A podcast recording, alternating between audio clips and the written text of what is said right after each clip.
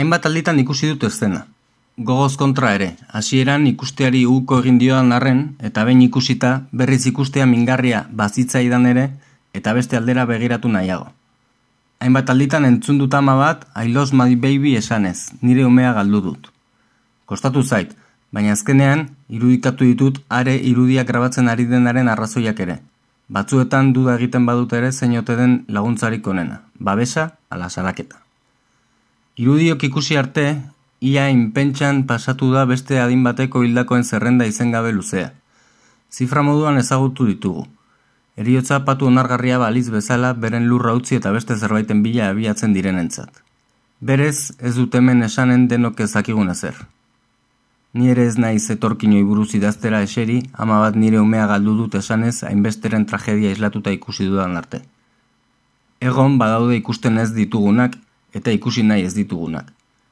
Seme horrentzat, etorkizun hobeagoa eskaintzeko itxaropena zabiatutako bidai arriskutsua, semea eta itxaropena irentsita amaitu da norabait iritsita ere. Eta norabait hori gugara. Horrek, erantzukizunen bat uzten dugu. Horregatik, beste aldera begiratu nahiago izatearena. Hau da, Angel Errok azaroak amabostean berriak idatzitakoa. Hemen hasten da, gaur egur. Guten Tag, meine Damen und Herren. C'est la lutte contre le terrorisme. Katea ez da eten. Agirre, garaikoetxea. Gaur egur. Gaur egur. Gaur egur. Jolasten eta enredando.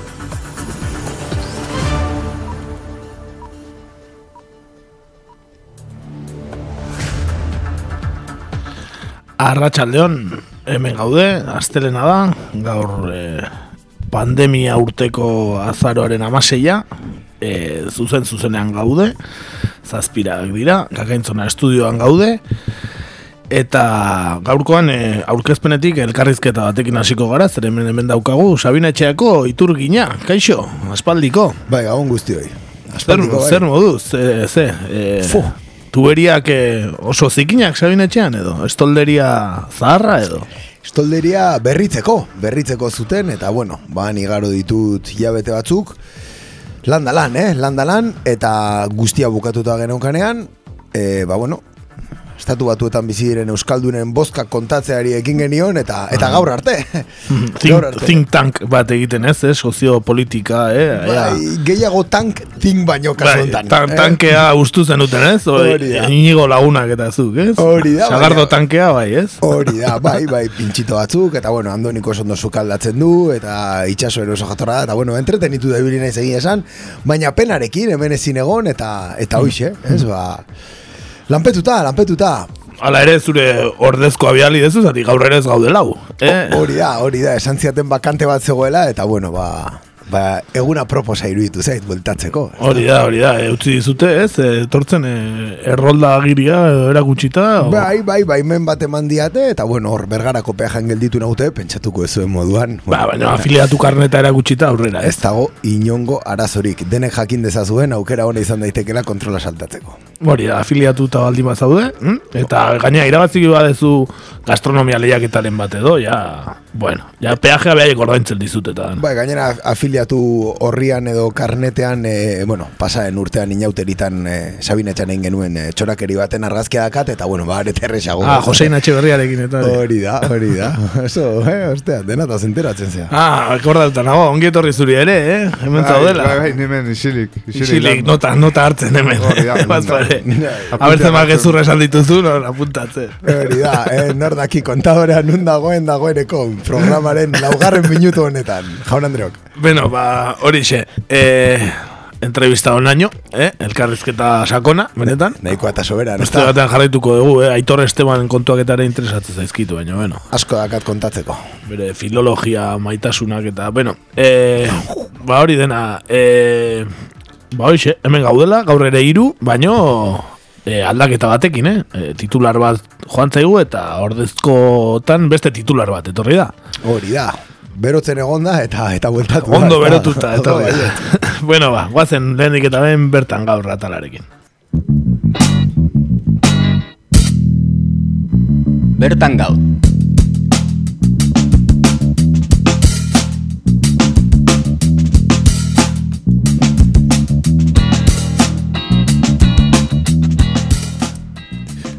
Bueno, ba, aurrera goaz, eh, gure bertan gaur sekzio honekin eta gaurkoan, bueno, berriz ere espetxetako giro ilun eta tristera itzuliko gara.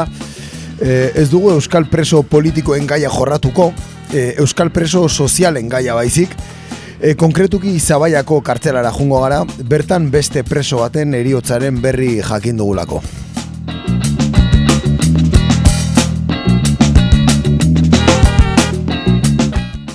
Bai, ala da, ez, e, Zabaiako espetxean, e, hildako presoen kopuroa handituz doa, eta salaketa elkarteak aurreko ostegunean jakinarazi zuenez, beste preso bat hiltzen urriko azken astean, kasu honetan emakume bat, eta elkarteak gaerazi zuen, ba, patologia larriak zituela diagnostikatuta. E, haren arabera, elkartearen arabera, salaketaren arabera, espetxetik kanpo egon beharko zukeen, baina egitura sozio-sanitario bakar batean ere ez zuten ez zuen lekurik lortu. Ondorioz ez zuen baldintzapean aske geratzea eta espetxe, ez, ez zuen lortu, baldintzapean aske geratzea eta espetxean zegoen preso, emakume hau. Eta ba, adibidez, e, eriotza hori salatzeko e, salaketa elkarteak elkarteratzea ingo du bihar, eguerdiko amabitan gazteizko Andre Maria Zuriaren plazan.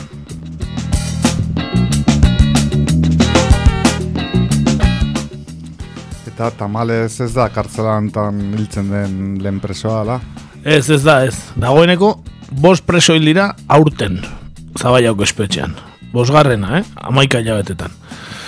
Azkena urriaren batean hiltzen, e, ego eta maoz urteko gizon bat, ziegan e, aurkitu zu- zuten bere gorpua, irailean beste ba, gizonezko bat, hogeita mabi urtekoa, Uztailean berriz hogeita hiru urteko gizonezko bat agertu zen hilik bere ziegan, eta lehena aprilaren zazpian, e, ba, espetxe bereko beste preso bat ere, ospet, hau o, e, ospitalean. Beraz, apiriletik e, azarora, edo urrira, sei hilabetetan urte erdian, bost preso hil dira, zabaiako kartzelan. Are gehiago, gogoan izan behar da, salaketak e, esan duela, Iruñeako espetxan ez, e, beste bi eriotza ere egon direla, ora ezken hilabetetan, lehena martxoa apirilaldera hiltzen eta bigarrena abuztuan. E, hori e, Iruñan, eta hori guztiei e, gehitu hartzaile e, martutenen izandako bi eriotz eta Baionako kartzelan e, izandako beste bat. Beraz, zehazki, amar preso hil dira ego, ego ez Euskal Herri osoan, e, aurten, 2008an, pandemia urte hontan, beraz, beretan datu lazgarriak, eta eta esanguratsuak, ez da, e, kartzeleko egoera hitz egiteko.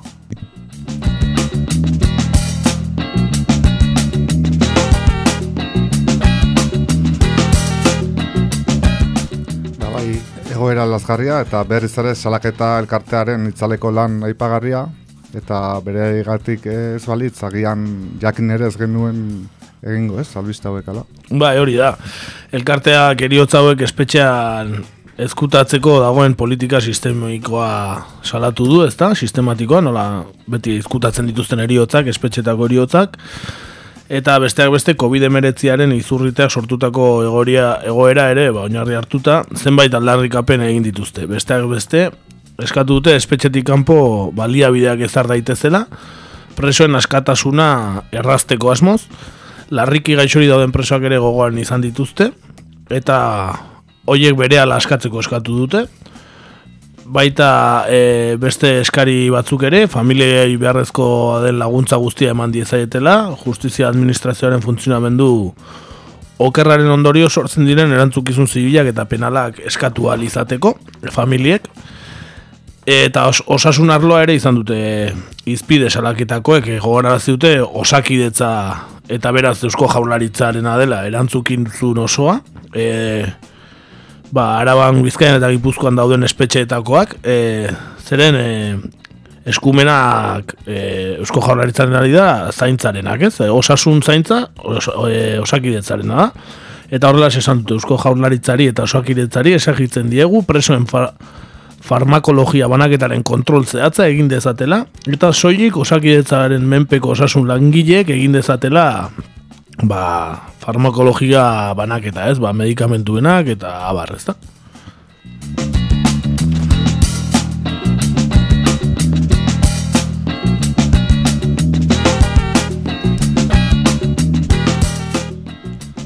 Ba, esan bezala, Eusko Jaurlaritzaren ardura da, nahiz eta aurrekoan aipatu genuen moduan, datorren udaberrian egingo den kartzelen eta eskumenaren, kartzelen eskumenaren transferentzia.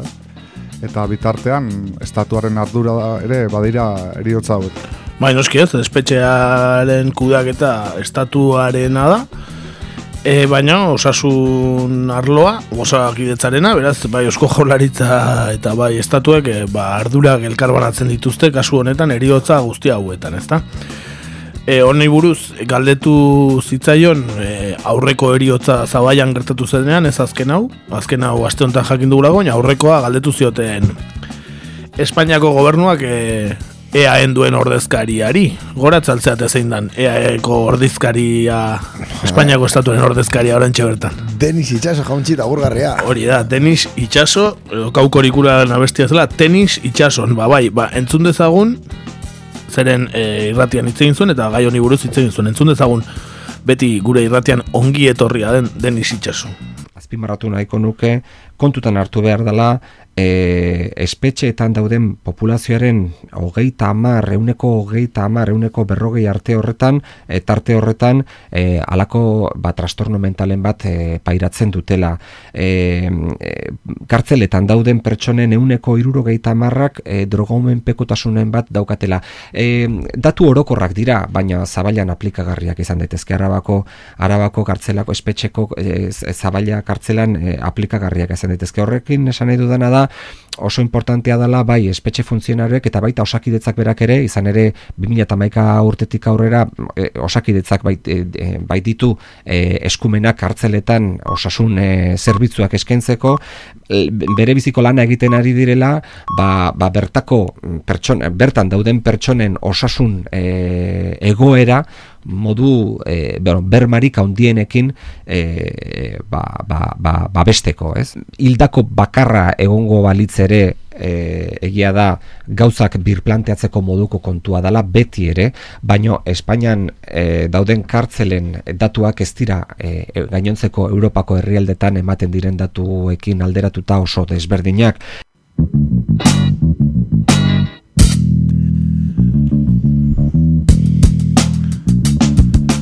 Bueno, pol politika e, doktoratuetan eta klasetan e, jartzeko moduko badirazpenak, eh? Ba, Erakust, erakusten dute politikari baten lanak zein diran, eh? Lehenik eta behin, e, naiz eta esan arazoa presoi beraiei bota, eh? Esan euneko hogeita marrak e, buruko gaitza dituztela, Orduan e, galdera izan barko litzateke zer ari dira kartzelan, burutu, buruko gaitza badituzte, ez? Eta beste uneko iruro marrarekin ere, galdera berdin da. Hori da, drogo menpetazona auketena. Eta nola atan, ez? Kartzelan e, drogak kontsumitzen dituzte, nola liteke, ez da? Bueno, bat bateko erantzuna ematearen, bai bertxotan egiten dan modun, esatea Espainiako egoera ez dela Europako ez, gainontzeko estatuekin ba, oso diferentea, bueno, esan dezagun, Espainia eta Frantzia, Europan top iruan daudela, preso kopurari eta ratioari dagokionez, beraz badago diferentziren bat, azteko. Bai, hori da, datu batzu ekarri ditugu, eta gara aipatuko ditugu. E, baita ere, aipatu ez, ba, zertarako diren espetxeak, bueno, zertarako esaten duten direla eta zertarako izan diren historian zehar eta orain ere, ezta? Berez, e, legalki bergizarte delatzeko e, erramienta modura saltzen dizkigute, baina egia dena da, ez duela ia inor bergizarteratzen eta bai iten duena dela pertsonak suntxitu, ezta? Eta hortan bai dela makinaria zorrotza. Duare gabe hor, argi dago destrukziorako sortutako ba, bueno, erakunde bat direla espetxeak, ez? E, ba, are eta gehiago Espainiar estatuan, ze badaude beste Europako estatu batzuk, beste modelo penitenziari badaukatenak, ez dut esango hona danik, baina bai desberdina, ez? Eta, eta kasu hontan nik uste, despetxetaz hitz egiten denen, nik beti esaten den marra gorri bat dagoela. Dago, espetxea ezagutzen duen jendea, bai barruan edo famili, familiarren bat espetxean duena, dala gizartearen minoria absolutu bat, eta hago gizartearen gehiengoa. Eta espetxan egondan edo nork esango izu espetxa dagoela eginda, jendea zigortzeko eta gizakea suntxitzeko. Ez dut inoiz ezagutu norbait esan didana, espetxak bergizartearatzeko laguntza bat eman dit. Inoiz ez dut ezagutu, ez? Nahiko daigarria da, ez? Bai, Inoiz izatea, ez? Eta gainera, e, kasu honetan deigarria baita ere Zabala adibidez kartzela modernoa delako, ez da, zeren e, batzutan e, kartzela zeiterakoan ere pentsatzen dugu ba, kartzela zarrak, e, egoera e, txarrean daudenak, ez, mantenimentu falta, ez, agian neguan e, handia, ez eta sunak, ez dakizer, baina zabaiako kartzela berri berria da, eta urten ja bost pertsona hil dira, beraz, e, kontua ez da infrastruktura berriagoak egitea, baizik eta modeloa, modeloa bera da, ez da, arazoa. Zarantzari gabe, ez da hor, egon da ez mito bat, ez, espetxe zarrak beti okerragoak direla, eta de hecho, dan mito bat azken amar urteetan desmontatu dena, e, pasaren urtean estatu frantsesean e, espetxeko, ba bueno, ez, e, kondizioen zaintzarako dagoen erakunde batek informea eta atera zuen espetxe berrien inguruan, eta demostratuta dago espetxe hauetan deshumanizazioa eta espetxean dauden kontrol neurriak, presoak pairatzen duen, ez? Zigor psikologiko hori are eta handiagoa dela, ez? Espetxe zarrak desberdinak ziren, ez? Moduloak, e, ba, bueno, konexio gehiago bermatzen zuten presoen artean, ziegak bata bestearen ondoan zeuden, komedorea zegoen bazkaltzeko, orain espetxe berrietan zure ziegan bazkaltzen duzu, dutxa ziegan daukazu, kamera bat daukazu ziegan, e, ez? E, inkluso batzuk mugimendu detektoreak dauzkate, e, horra iritsi geha, ez?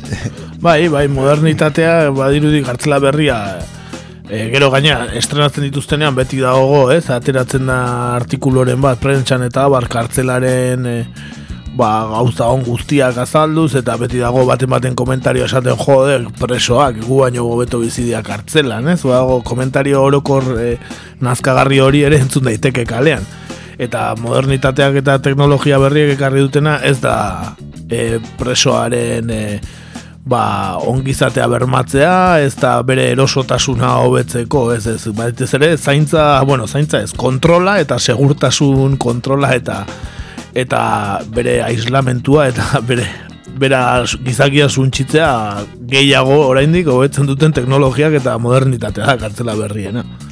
Zalantzari gabe, zalantzari gabe, esaten zen una, batez ere kontrola areagotzen dela eta presoaren pribo, pribatutasuna, ez, existitzen baldin bada nonbait, ez, ba, areta eta txikiagoa dela, ez. Hori da, e, gogoratu behar dugu, Gipuzkoan ere, zubietan e, be, proiektua dagoela, eh, makro kartzela berriarena, eh?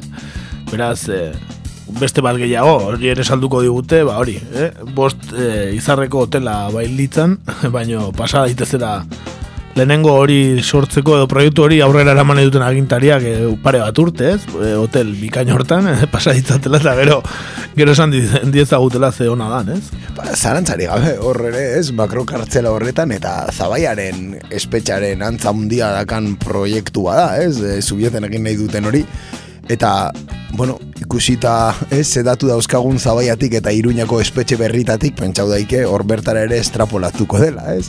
Bai, bai, bai, eta arazoak berdin jarraitzen duela.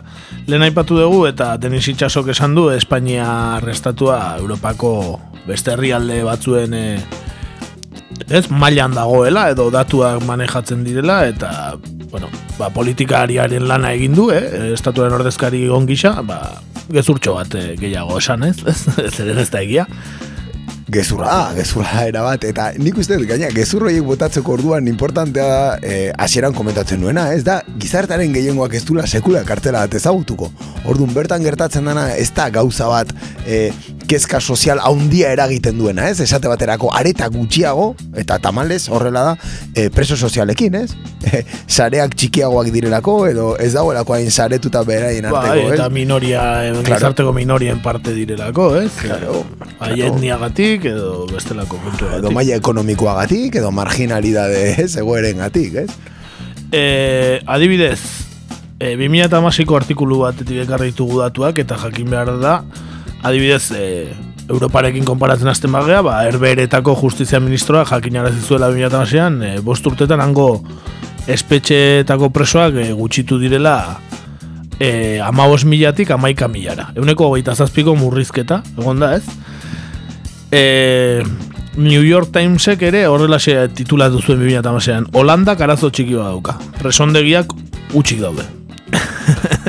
claro. arazoa zeukan. E, Holandak, ba, preso horik ez zeorako. Dirudienez, e, Holandan lege urraketak ez omen dira areagotu, ez? Hor, e, ez dakigu dain, e, batzuk legeak ez dituzte, urratzen dituztelako, edo legeak ere agian malguagoa direlako, ez? e, eta en, ein handi baten epaila gaina zigorrak e, bideratu izan dituzte isun ekonomikoetara, edo kondenatuak e, gizarte zerbitzuko lanak egitera, edo zaintza elektronikoa edo eskumuturrekoekin ere bai, ba, kasu zeagoetan, ez? Estremoagoetan, no, pentsa dezakegu ze kasu izan daitezkeen, ez? E, violentzia machista, eta barrez. E, honek ekarri du, ba, erbereak izatea presondegiak itxiko dituzten herrialde bakarretakoa. Eh? 2008tik emeretzi preso, e, kartzela itxi dituzte, herberetan. Eta 2008an iragarri zuten, e, ba, 2008 baterako beste bost ere itxiko dituztela. Beraz, ama urte baino gutxiagoan, zazpi urtean, e, hogeita lau espetxe, itxiko dira Holandan.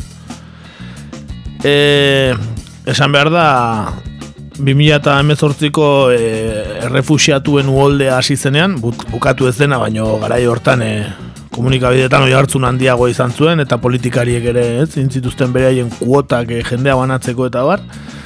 Esan behar da, e, Holandan e, erabili zituztela kartzela hauetako batzuk errefuxiatuak lehen une batean jasotzeko. aldea badago, eh? presoak eukitzetik eh, errefusiatuak eukitzera, baina horre ere, ba, egontza polemika, ea, ba, familia bat, familientzat, kartzelak ote ziren egon lekurik aproposena. Claro, noski. baina, bueno, ez zituzten kalean utzi bintzat, esan, funtzionalitatea bila dabiltza, ez, Ba, espetxeentzat. ba, Kasu honetan, eta komila tarten zagoen, baina funtzionalidade sozial bat, ez, aurkitu Hori da, hori da, bai, bai, zatik, orain kartzelak dutena, ez da, inundik da horregatik, funtzionalitate soziala. E, baina, ala ere, etekin ekonomiko handiagoko apopiloak ere aurkitu dituzte. E, Belgika eta Norvegiako presoak eraman izan dituzte Holandara, ba, han gain populatuta dituztelako kartzelak. Beraz, e, turismo kartzelarioa esan dezagun, egiten dute Norvegiako eta Belgikako preso batzu. Ziega kaloka iruan, ez da? polemika ere sortu da Holandan kontuanekin, funtzionariek ere, ba, jaro, ba, protestak egin dituzte. Lanpostu asko ba, gal, galtzeko zorian daudelako, itxiera plan hauekin, eta ba, funtzionarien sindikatuek ere presioa egin dute, normalan bezala, ez? E, Preso behar dituzte. presoa behar dituzte, ez da? E, agian e, funtzionarioek ba, ez dute nahi e, kartzelariaeko bizarte bat, noski ez, lanposturi gatzen didalako. Agian lanpostu hortara aurkeztu zirenean pentsatu behar zuten agian bi aldiz. Bueno, antolatu daitezela, eta beraien arten delinkitzen hasi daitezela, ez? Hori da, hori da, hori da, hori da, turnatzen juteko, bi urte, orain bi urtezuk, eh? Bentsat lana berbatzezu, bi urte bai, bi urte barru, naizu. Hori da, hori da. E, esan Europa baitan, e, Suezian ere urteotan presion ditako biztaleko purua jaitsi dela nabarmen. E, azken hamar urteotan, bos mila zazpironetik, lau mila bosteunera. Eutik kontun behatzi milioi eta erdi biztanle diala, eh? eta lau mila bosteun preso, nahiko ratio txikia. Ratio oso bajua, bai. E, eta espetxeen laurdenak itxi dituzte, Suezian ere. Hala ere, herbereak eta Suezia ezarritako estrategia hauek, ba, bueno, e, ez dituzte jarraitzaile gehiegi, munduan zehar. E, 2006an adibidez, ba, World Prison Brief buletinaren azken informeak esan zuen e, 2000 garren urteko zifrekin alderatuz, ba, ba bi hamarka dauetan munduko presoen kopurua euneko hogei hazi dala. E, gatibu dauden emakumeen euneko, emakumeak euneko berrogeita mar e, handitu dela zifra, ez? E, emakumeetan urtean zehar. Eta munduan preso dauden euneko 6,zortzia direla emakumeak. E, hori ja- jartzen du ze honetan, informe honetan eskualdeka begiratuz gero Afrika eta Asia dira proportzioan preso gutxien dauzkaten kontinenteak, eh?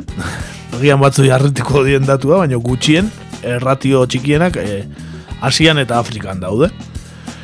Eun mila biztanleko eun baino gutxiago. Ko bataz bestekoa dago, bi herrialde. Ozeania ere ez da bilurrun, e, euneko irurogei ogaritu badira ere atxiloketak azken amarkadan Ozeanian. Amerika berriz da noski gehien daukana, eh? Amerikako estatu batuak dira Seychelles uartearen ondoren munduko txapeldunak. ratioan, eh, Seychelles, eh? Bai, bai, bai. Paradisiakoa dirudi, baina, bueno, preso bastante dituen irla. E, ba, bueno, Amerikar estatu batuetan, seireun dalaro gita mezortzi preso daude un mila biztanleko, astakeria bat. Eta... E, eta erdi eta ego Amerika dira kondenatuak gehien ugarituren lekua, euneko eunda mezortzi, azkeneko garaietan.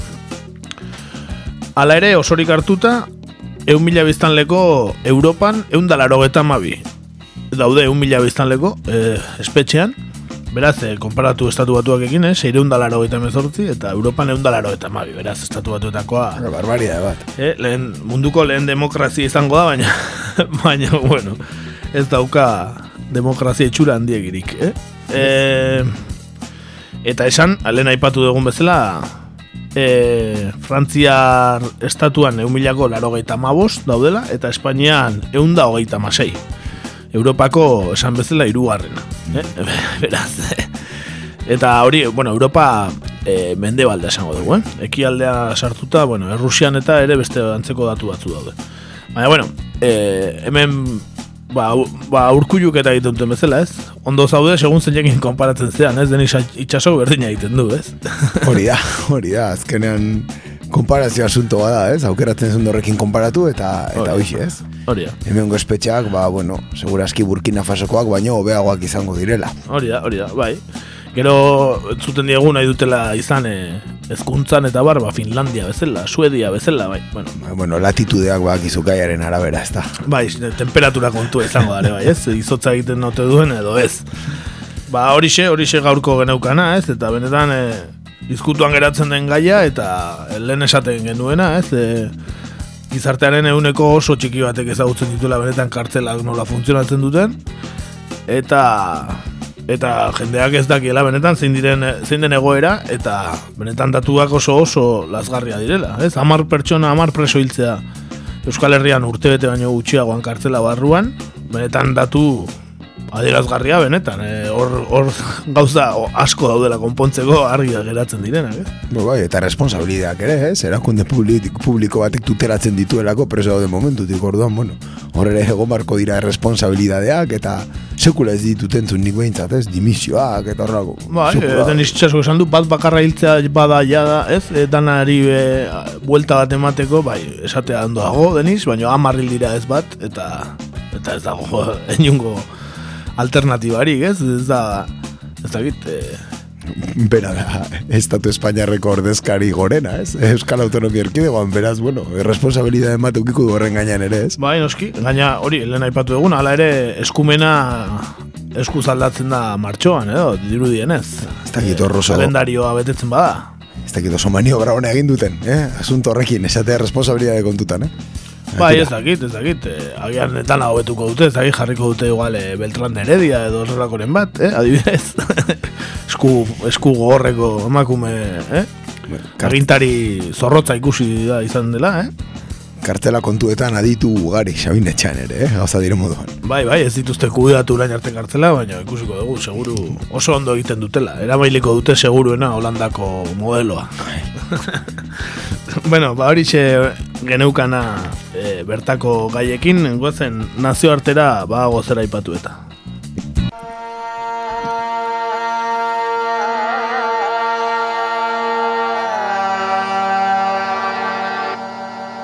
Nazioartean gaur.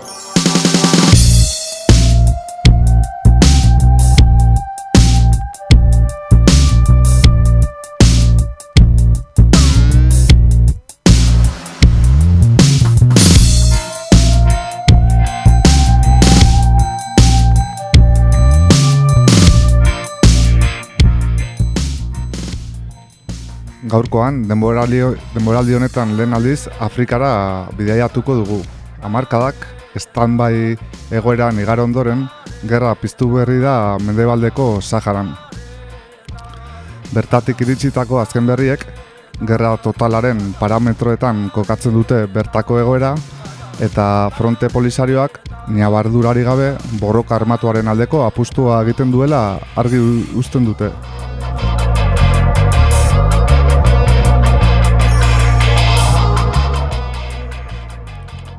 Eta Maroko arrestatuarekin izandako azken tirabirak eta gaur egun bertan bizi duten egoera aztertzen ahaldeginduko gara gaurko atalontan.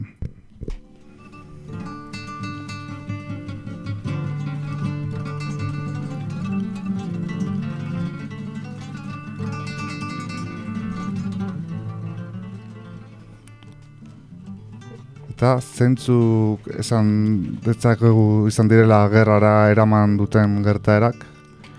Bueno, ba, esan daiteke azken, ez, e, edalontzia gainezka egitearen, ez, ba, bueno, ardura izan duen azken tanta edo, ez, e, pasaen hilabetean, bai, e, ba, bueno, Saharar zibil batzuk antelatutako blokeo ekintza iraunkor bat izan dela, bai, e, gergerat muga pasabide bat da, bai, e, Mendebaldeko Sahara eta Mauritania separatzen e, dituena, eta bertan, e, ba bueno, hainbat zibilek e, pasabidea moztu zuten, eta beraien helburua zen, bueno, ba, Mauritaniako fronteratik, ez, e, Sahel aldera edo, ba, bueno, Mendebaldeko Saharan espoliatutako baliabideen garraioa blokeatzea zen. Eh? Marruekosek erabili izan du bretxa hori, gergeraten egindako bretxa hori, bretxa ilegal hori, e, Saharan lapurtutako ba, lehen gaiak e, gero esportatzeko. Eta hortaz, bueno, ba, protesta zibil bat antolatu zen, Eta pentsauko zuen moduan, ba, bueno, bloke honen ondorioz, azken hilabete honetan, ba, bueno, auto eta kamioi, ba, bueno, pilak eta egon dia, eh, mugaren bi aldetan, eh, bai eh, Saharako aldean, bai Mauritaniako aldean. Eta, eta hori, naiz eta zibilek antolatutako, ba, bueno, e, ekintza bat zen, gertuko ba, mendisketatik edo, ba, fronte polisarioko militarrak ere babestu zuten e, e, ekintza hau. Esan bezala, hoxe, berberat, e, gergeraten dagoen bretxa hau, legez kanpokoa da, bai, e, nazio batuen e, erakundearen, bueno, ba, supervisioaren pean sinatutako akordioi erreparatzen badiagu, eta, eta hoxe, esan bezala Maroko orentzat, ba, bere biziko garrantzia dauka, e, bertatik, ba, bueno, lehen gai guzti horiek, espoliatutako lehen gai guzti horiek, ba, zabaltzen dituerako, ez, Afrikaren, ba, bueno, alde subsaharian, subsaharian horretara, ez. Ba, gero mundura zabaltzeko, ez, pentsatzen dut. Hori da, ondoren ba, esportatzeko eta eta hortik ba, bueno, negozio ikaragarria egiten du eh, estatu marrokiarrak, bai. Eta ondoren dator Marokoren erantzuna da. Hori da, pentsako ez zuten moduan, ba, bueno, Marrokos ez da ere, ez, e, begiratzen gelditu, eta, bueno, ba, indar polizialak eta militarrak e, bidali zituen bertara, bai, pasaren astean, eta bretxa berri bat zabaltzeko eskabadorak ere martxan jarri zituen. Bai, beste bost kilometroko bretxa ilegal bat zabaldu nahi dute, frontera horretan, kamioiak eta, eta bueno, behar den guztia hortik bideratzeko, eta pentsako ezo moduan, ba bueno, desalo jori gau egin zuten, eta oraindik irudi asko ez da iritsi ere, bai gertatutakoaren inguruan, baina dirudienez, ba bueno, etzan ondo jun, sarraski bat izan zen, eta eta pentsatuko ez moduan, ba honek giroar eta gehiago gaiztotu zuen.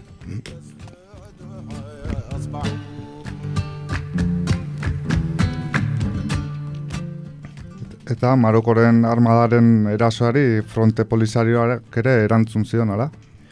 Bai, bai gergerateko gertaerak eh, izan ziren eta, bueno, ordu batzuetara, ba, bueno, frente polisarioak eh, komentatzen zuen ja, bere agiri batean, ez, Marokoke indar armatu asko bidali ondoren, ba, provokazio berri horren aurrean aukera guztiak mai gainean zituztela. Bai, gainera, bueno, lendik ja abisua pasata zuten eta zibilei zibilen aurkako erasoren bat gertatuz gero gerra piztuko zela, ez? E, abisatu zuen fronte polisarioak beraien agiriak zioenez borrok armatuaren aukera maiganean daukagu. Gero, bueno, konprobatu dugu moduan, ba, bueno, ez, aurrera jarraitu dute borroka armatu horrekin. Eta, eta beste, bueno, beste gauza garrantzitsua, nazio batuen erakundea gogor kritikatu zuten, ez, hasierako agiri horretan, e, okupazioaren zaindaria eta inbazioaren aldekoa, zela, e, ba, bueno, argituz. Giroa oso gaiztotuta zeon aurretik, ez da lehenengo aldiago gertatu dela, gero komentatuko dugu moduan, Baina nazio batuen erakundearen eta mendebaldeko Sahararen ba, gobernuaren artean, bueno, honek ba, ba, inflexio puntu bat markatu du, ez? Erlazioak guztiz apurtu direlako, ez? Momentu hontan. E, gogoratu ezagun, hoxe, kontestualizatzeagatik pixkat, ez? Laro gehieta hori. Nazio batuen erakundeak e, minurso misioa ezarri zuela, bai, Maroko eta eta fronte polizaren arteko zuetena edo bermatzeko, eta baita ere autodeterminazio eskubidea bermatzeko, mendebaldeko Sahararen zat. E, bueno, e, polizarioak minursok e, hori, mendebaldeko Saharako, ba, bueno, lehen gaien espolioa eta eta bertakoen giza eskubideak urratzeko tresna bilakatu dela e, esaten zuen aste honetan. Eta pentsa, bai, minursok, bueno, noiz baite paperen bat izan badu, e, geroz eta relevantzi gutxiago zeukan eszenatoki horretan. Ideia batiteko, e, 2008an, e, nazio batuen erakundeko ordezkari berezia zen e, Hortz Kohler, e, osasun arazoen gatik, ba, postua kargoa utzi zuen, eta eta ez dute beste inor bidali. Bai, urte eta erdi dara mate e, minursoko burua izendatu gabe. Pentsa, ze garrantzia ematen zioten kontu honi nazio batuetatik, ez? Bai, bere egunean emango zioten pixkat baretzeko, ez, laro gita maikan, eta ordutik ba, hori, ozkailura, geroz eta hotz handiagoa egiten, ez? Hori da. Geroz bai. eta hotzago proiektua, eta ia esan diteke, ez duela ezertarako balio. Ezertarako, hoize, ez? Eta, eta nik uste eta gainera hori, minursok, e, ba bueno, dakan balore eza horrek, bideratu duela orain dagoen egoera, noski. Bai, ez dalako egon inungo borondaderik, e, ba, bueno, gauzak aurrera ateratzeko, batez ere autodeterminazio eskubidearen e, garapenerako, ez? Mediadoreak ez badu mediatzen, ez dauka zereginik ez. Ez daka zentzurik bertan egotea.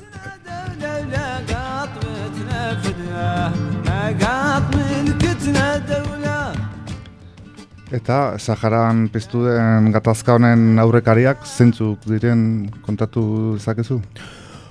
Bai, a ber, aurrekari asko daude, ez? Azkenean, e, lehen komentatzen moduan, nik uste dut hori, bon, laro gehieta maikatik, edo, inkluso esan daikegu, ez, orain dela ia berrogeita mar urtetik, e, ba, bueno, ez, e, basoa betetzen jundela, eta baina berri, berriro ere gainezka egin duela, ez? Baina, bueno, berri, e, e, hori, ba, bueno, gazteenak aipatzearen edo, bai, 2008an adibidez, e, gergerateko mugan tentsio handiak ere izan ziren, e, Maroko hori errepide berri bat eraikin nahi zuelako bertan, ba, agilizatzeko pixkat e, esportazioen erritmo hori edo. Bai, e, Hemezortzian, nazio batuen erakundearen hori eh, esku hartzaren ondorioz, bueno, bi aldek atzera egin zuten, bai, bai, polisarioak eta bai e, Marokok, eta orduan, ideia batiteko, e, Antonio Guterresek, bai, onuko buruzagik, e, urrengo esan zuen.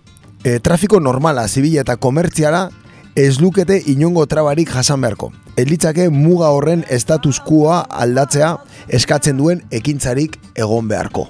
Hoxe izan zen, orain dela bi urte berak esan zuena. Marrokosek diplomazia lan politiain eta gero, ez?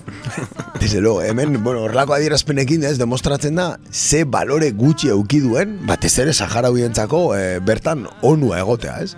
Ba, erazio batuko erakundea ba, oso ondo dago izenez eta sorkuntzako, ez, e, oinarriak aipatu zirenean eta hori, baina gero ba, instrumentua gehiago ba, bakarrik e, sartzen dela tartean e, egiteko boteretsuaren alde, ez? De, edo, edo boteretsuen e, ba, dituzten interesak bermatzeko, ez? Beste zertarako baino gehiago, ez? Naiz eta gero aipatu bakea eta eskubide ez, giza eskubideak eta bar. Ez? Bai, zalantzari gabe, kasu hontan, bueno, ma, Marokoren eh, onurarako izan da, ez? Minursoren eh, eh, bueno, establezimentua zemendebaldeko Saharan. Seguro aski baita ere Marrokosek dituen eh, ba, tratuek, ez? Beste beste potentzia europear batzuekin eta dituen tratuak ere izango zuten garrantzia horretan. Dudari gabe.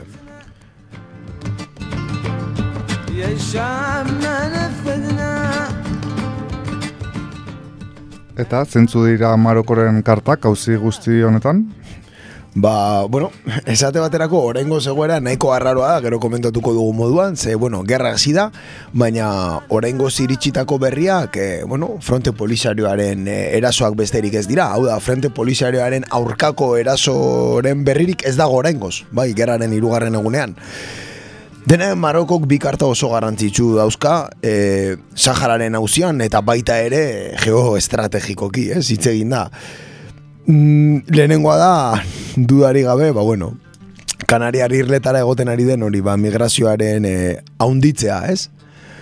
Maroko beti izan da, bueno, migrazio, ez? Afrikatik etortzen diren migrazio fluxu horiek kontrolatzeko, ez? Europak edo mendebaldeak izan duen zaindaria, ez? Ordun Bai, jendarme bat. Hori da, jendarme bat, o, nunca mejor dicho, ez? Eta, eta kontua hoxe da, ez? E, Europar batasunak diru laguntza multimilionarioak ematen dizkiora Marokori, ba bueno, migrazioaren grifoa e, isteko. Orduan, claro, Marruekosek egiten du Magreben apur bat Turkiak egiten duena Europako ekialdean, hau da, grifoa zabaltzeko mehatxu horrekin, ba bueno, lortzen du, ba bueno, Europar batasunaren babes politikoa eta ekonomikoa kasu honetan. Orduan bere karta importantena hoixe dara esango nuke. Bestalde batetik badago beste karta bat, eta hau ez da oso sonatua izan eh, hemendik, akaso boxeko baten batek bere Twitterrean publikatuko zuen, Eta da, Marokiar gobernuak e, Kanariar urekiko duen aspirazioa. Ez dakit bazen ekiten, baina 2000 eta emeretziko abenduan, e, Marrokoseko parlamentuan, modu unilateralean e, bilegeon hartu ziren. E, bat, mende, mende baldeko Saharako urak, bai, beraienak zirela, hori ez datorrela akordioetan, bai, e, uraren kontua hor gelditu zarako, baina baita ere Kanariako urre eremu batzuk ere haiena diren aldarrikatu zuten parlamentuan. Eta bueno, e, horregatik komentatu dut boxekoaz, ez ziur nago baten batek bere garaian tuiteatuko zuela, beste inork egin ez zuenean.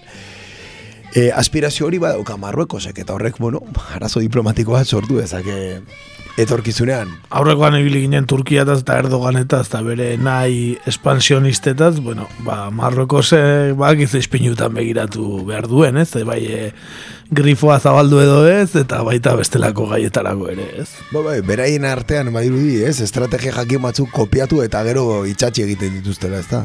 Ba, bai, kopipaste betikoa. Bai, bai. Agian Marokorekin, bere garaian perejil uartearekin gertatu zen krisiaren antzeko zerbait gerta diteke, ez? Jakizu, jakizu, hauekin edo zer gauza, aber, egia, kanariar, ez, uretako kontu hau, karo, gerra hasi ondoren ja, anekdotan gelditzen dara komila tartean, ez? Baina, fida zaitez, ez, Gibraltarria igo baldi maziren bandera batekin, eta perejien ura montau bazan, ba, imaginatu, kanaria eta sartzen bali madien. Bai, baina, bueno, benetan, e, ba, ba, az, azpian dagoena da, Espainiak ere, ba, akordio honak dituela Marrokosekin, Marrokosekin, eta, eta ez daukala Marrokosekin gatazkan azteko inungo interesik, ez behintzat Sahararen gatik, ez? Ez da gutxiago ere, ez da gutxiago ere. Bai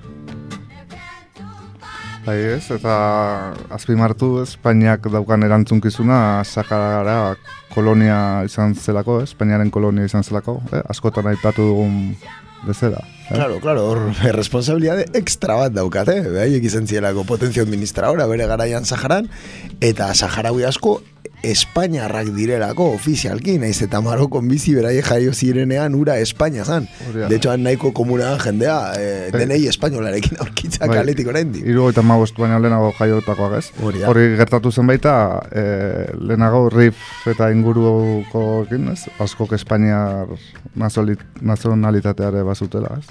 Areta gehiago, Espainiarren seme alabek eskubida dakate nazionalidadea ere eskatzeko eta horre erreztasun batzuk ere existitzen dira. Bi Espainiarren semea edo alaba izan da, ba, bueno, eskubide batzuk dauzkazulako, ez? Dena da, e, hori, ba, desagizatu bat, ez? E, desorden absoluto bat, eta Eta hortxe hago, ez, baina, bueno, Espainiaren jarrera esan dakoa, Marrukosek dakan e, indar horrekin, ez, grifo horrekin, ezin dira sartu noski, baiek dirako lehenengo. Ba, eta akordio ekonomikoak eta bi monarkiek dituzten tratu bikainak ere, ez? Beraz, horre, ba, bai, Sahara izan zen eh, kolonia eta bera da, ez? Ibe, bueno, ad, estatu administratiboa, e, bueno, beak eh, papel garrantzitsua dauka Espainiak, baino, eta jo, bat ere interesatzen hor sartzea, egon gobernuan eskuina, egon erdia, edo egon beraiek ezkerra deitzen diotenak, ez da? igual, igual, egoera ez da aldatzen alde hortatik. Hori da, ez da gobernu kontua, eta estatu kontua da kasu honetan, ez? Monarkiak ere esango du, zer esana izango du, seguru.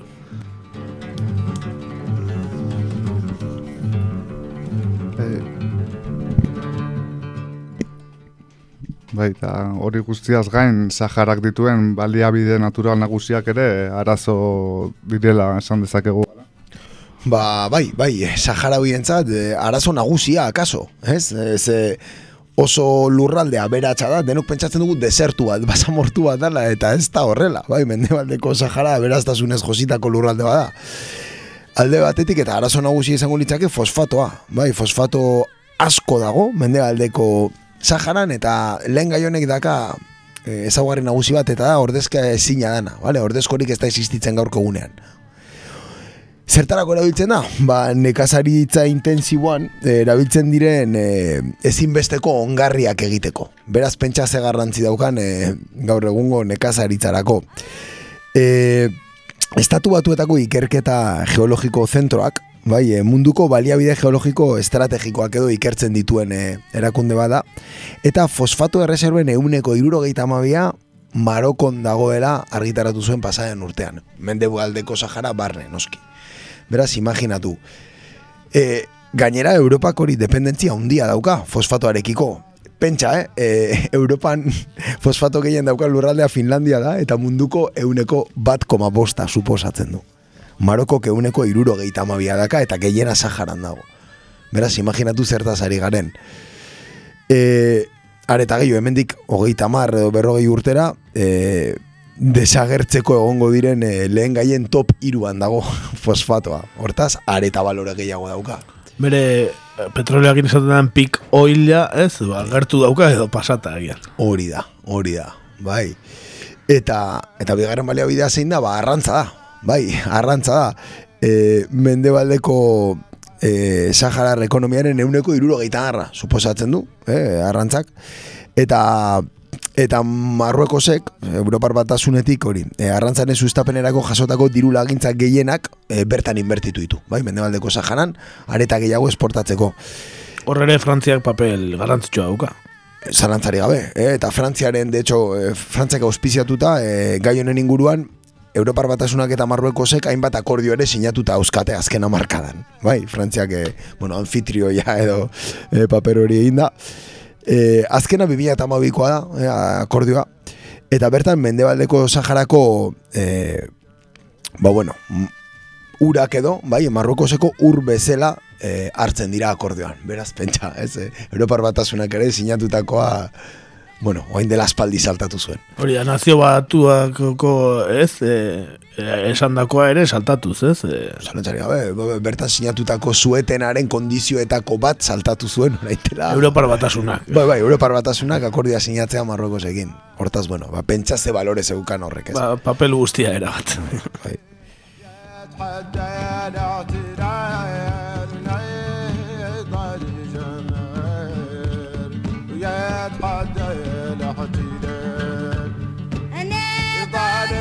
era bat. bai.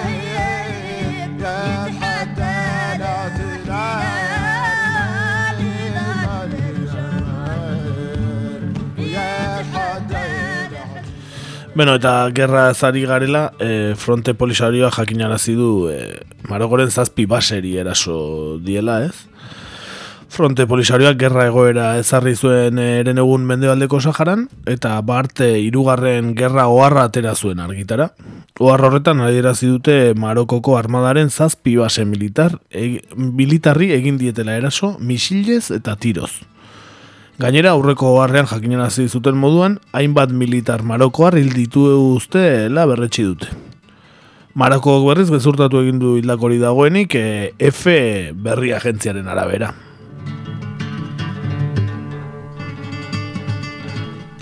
Marokoko iturri horiek esaten dute fronte polisarioaren indar armatuek ez dietela eraso egin arresian eta istiluruen bat e, egon dela, hori bakarri diote, istiluren bat. Ofizialki Marokok ez du gerra oharrik argitaratu eta armadak ez du adierazpinik egin ostiraletik. Fronte polisarioak berriz, bombardaketen berri eman du eta haien arabera hirugarren eraso aldia da hiru egunetan.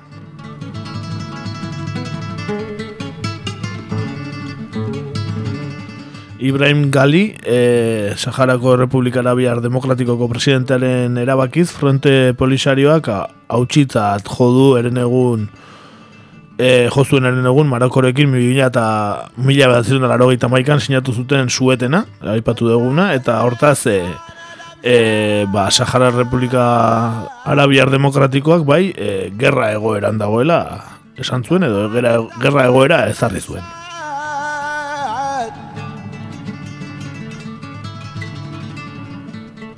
Aipatu dugun Minurso nazio batuen erakundaren misioari egitzen diote bete dezala autodeterminazio referendum bat antolatzeko egindako promesa eta Minurso mila maikan eratu zuten helburu horrekin eta suetena zaintzeko egitekoarekin. Hala ere, bi aldek elkarri egotzi diote itun hori hainbatetan urratzea eta gere garten ger, gergeraten sartzea ere bai.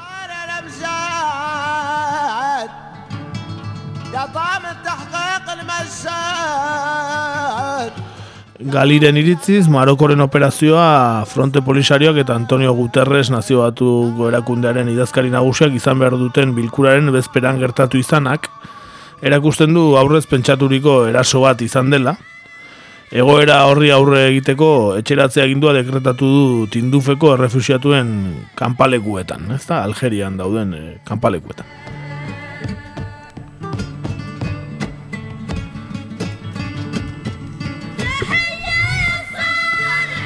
Beraz eh, frente de polisarioak gerran dago, baino Maroko ez ofizialki. Hala da, hala da, bai, e, sineste zina badiru ere, hori da. Fronte polisarioak e, gerra aldarrik apena intzuen, eta Maroko koraindik erantzunik ez. Hori bai, kazetari oso gutxiri, eman dieta aukera gerturatzeko gerra zonara, Eta, bueno, baimendutako bien artean, ba, bueno, e, Marrokoseko medio ofizialetako kazetariak daude. Bai, F-ko korrespontsalaria dibidez, e, orain e, biegun ukatu zioten bertaraino jutea, eta beste bat kazetari ere, beraz, bueno, berri gutxi, ez, zentzu hortan. Berriak bide alde bakarrekoak. Hori, berriak alde, alde bakarrekoak. Bestetik bai patu hori ez, nazio batuako erakundaren papera ez, Antonio Guterresena, ba, ba, ez frente polisarekin e, elkartu bezperan e, hasi zela kontua ere bai, ezta? Zu zergatik izango da. Bai, hor, bai egon dela, e, adarrikapen garantzitsu bat, eta atzo, atzo bertan frente polisarioak minursoko kidei ama bi ordu eman zizkiela bertatik alde egiteko. Bai, hau da, Saharatik bota dituztela minursoko efektiboak e, egia esaten mani maizuet ez nau harritzen, bai, ze hogeita bederatzi urtetan egin duten lan hau izan baldin bada e, ez dakate lekurik leku, e, bueno, bertan, ez, mende baldeko zahanan. Bai, bai, eta jakin behar, nik jenbintza jakin egon nuke, eta batzi urte dauetan zen izan den beraien soldata, eta zen izan den e, egin duten lana, ez, ea pixka balantzan jartzea gatik, ez, e, egindako lana eta eta kobratu duten dirua, ez. Bai, bai, nik erakunde ontako irukide ezagutzeko aukera izan nuen behin, eta Eta oso degarri egin zitzaidan, ze pertsona hauek mendebaldeko Saharako bono ikuskatzaio bezala joaten ziren, baina hirietan egiten zuten lo, hau da, hoteletan egiten zuten lo, eta egunean zehar, bidaien bat egiten zuten kanpamentuetara, bai, Argelian, eta, bueno, bertako egoera ikusi, o beraien balizko lan egiten zuten, eta hotelera bueltatzen ziren, bai. Zerbezak zeuden e, hotelera intzuzen ere. Ez da oso komunan garagardo egotea hotel batean. Bai, bai, garagardo freskoa, eh? bero egingo zuen. Seguro, bai. Denaen, ez dakite, baloreazio bat egitearen. Ez, e, ia hogeita marrurte pasatu direla, ez? Zueten, laro maikako zueten horretatik. Eta, eta ia berrogeita marrurte martxa berdea gertatu zenetik. Eta beraien egoera zein izan den ikusita, nik uste dut inorrezin dala harritu gaur egun dagoen egoerataz eta gerraren autua egin izanaz. Borrok armatuaren, e, ba bueno, karta beti mai gainean eduki dute, eta nire iritzi pertsonala baina pazientzia mugagabea izan dutela esango nuke, areta gehiago dauden egoeran. Bai, mugagabea dioztu, baina bueno, orain, orain artez, gergerateko mugara aino, ez da, izan da, mugagabea. E, bestetik baita ere, orain artez dugu aipatu, baina Algeriaren papela ere auk, e, aipatzeko izango da. Oso garantzitsua, batez ere, bueno, dakizuenez, bueno, e, muro batek, ez, separatzen ditu Marruekos eta eta Argelia, ez, e, Mendebaldeko Sahara eta kanpamentuak banatzeko ere ikizen 2000 eta 2000 eta lareun kilometroko muro bat, eta eta Argeliak, e, bueno, gertara hauek e, izan dakoan, ba, militar guarnizio oso garrantzitsu bat biali zuen, fronterara. Areta gehiago atzo Argeliako telebistan desfile militar baten irudiak agertu ziren, eta bertan oso armamentu sofistikatua agertu zen. Bai, e, adibidez, Iskander misilak, bai, oso, bueno, punta-puntakoa komen direnak, eta, bueno, badirudi, e, Errusiarrei erositako arma oso, oso modernoak agertu zira desfile horretan. ta bai- Iskander. Iskander, hola ditzen Baina hori etzan atutxan seme bat edo. Baita ere, baita ere, txa, eh, bai, bai, horre, ez dakite ze enpresa zeukana, bakio no bermeo. no, eh? Iskander, zane, bai, eh? Iskander atutxa, bai, jauna. No, ze misila atutxan semea. Zeu ze jakingo zuen urak ere. Hori da. Bueno, hori, indarrera kustaldia egin zutera, atzo Argeliako telebistan, eta gogora ezagun, Ego Afrikako ejertzituak entzen bale megu, Afrikako armada preparatuena dela Argeliakoa, diferentzia hundiz gainera. Hmm. Gaina entzun ez uste e, Libiako egoera baliatuz Algeriako konstituzio aldatu dutela eta orain e, beraien konstituzioak bintzat ematen dela eskubidea ba, muga, mugakide diren herrialdeetan e, interbenitzera gerra bada, ez? Eta hori ere Frente Polisarioak ondo kalkulatu duela, ez? Bai, bai, ez dirudi bat bateko erabaki bat, ez gerran sartzearena eta premeditazioa handiko erabakia dala esango nuke. Oso kalkulatuta, e, bai Argelian ez, egondako erabaki oso garrantzitsu horrengatik, baina baita ere Marrokosek bizi duen egoeragatik gaur egun. Ez, Marrokos oso egoera ekonomikoa delikatuan dago momentu honetan.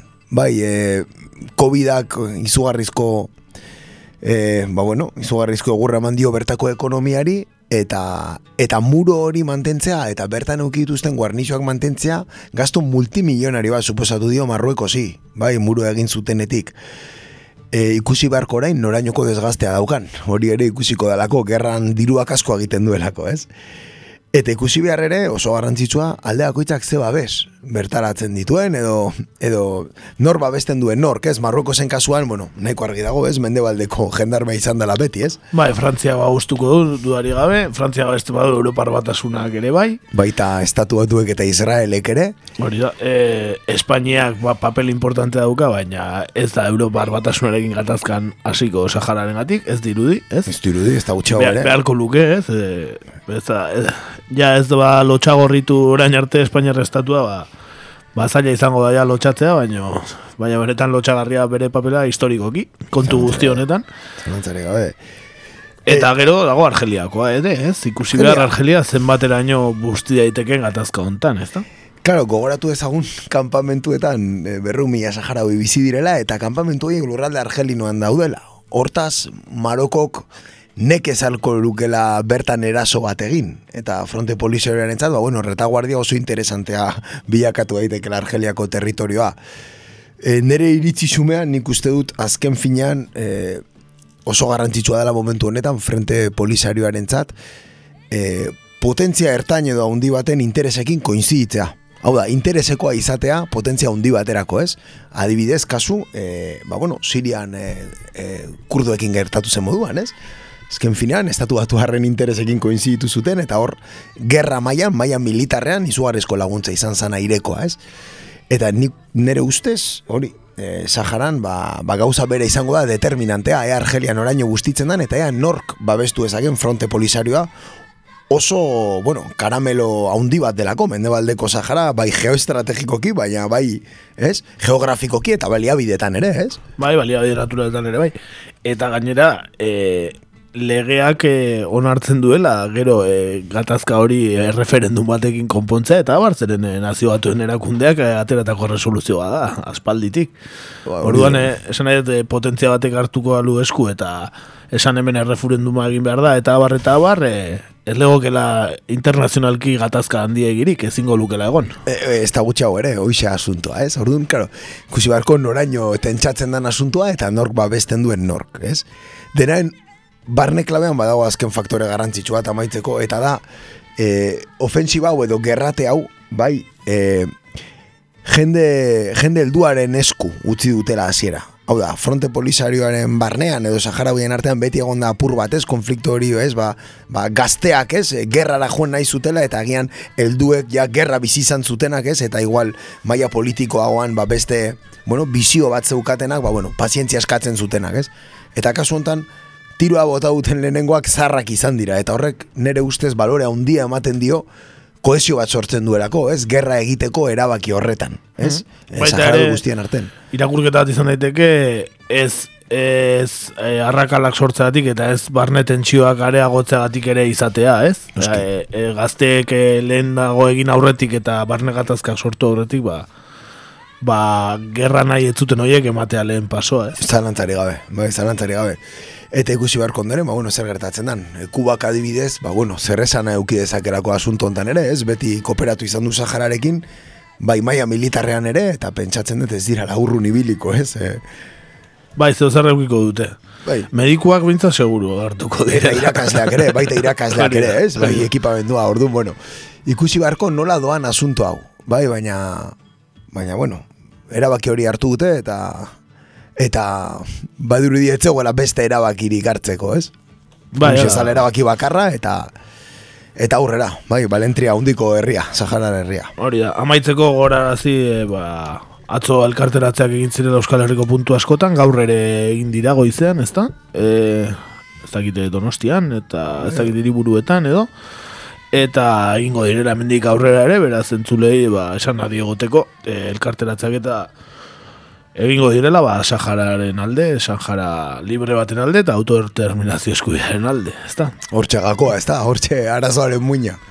Eta hori guk ere aldarri hoiekin bat egiten degula kakaintzonatik, eta bertan ikusiko garela. Zalantzare gabe, eta animo bertan borroka dauden guzti hoiei. Hori da, besarka handi bat, abesti bat jarriko diegu, ba, eutxi saharaui izenekoa, e, sangre de mono taldeak egindako abestia. Bai, iruneko taldea, bai. Hori da, doinuekin eutxi saharaui. ودع على الله وفنيني شفت قروني في كولا مينا نعظون انطح بقروني. دين دين يا ديني. دين دين يا ديني.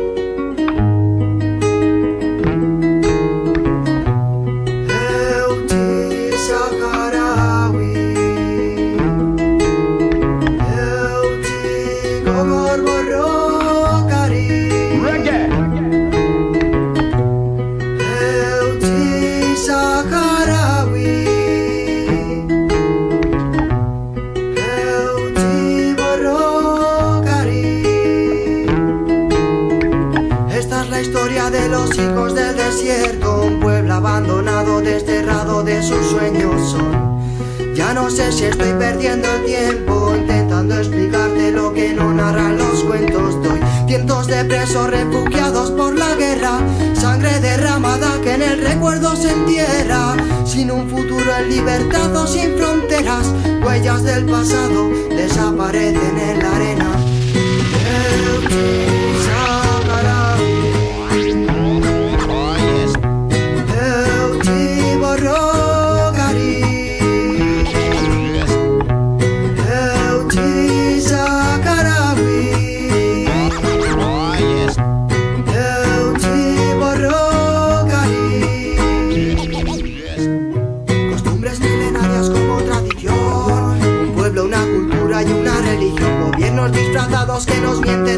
Televisión Sahara resiste no lo ves, no me crees que en cada vaso de té están gotas de esperanza para no perder la fe. Sufrimiento de un exilio que impusieron por la fuerza termina donde empieza el muro de la vergüenza.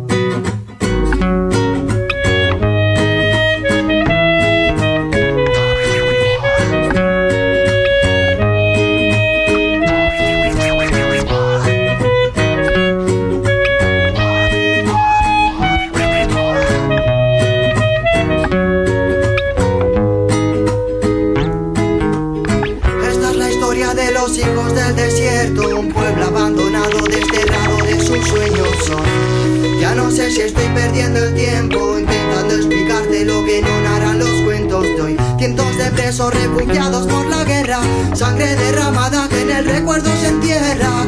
Sin un futuro en libertad o sin fronteras, huellas del pasado desaparecen en la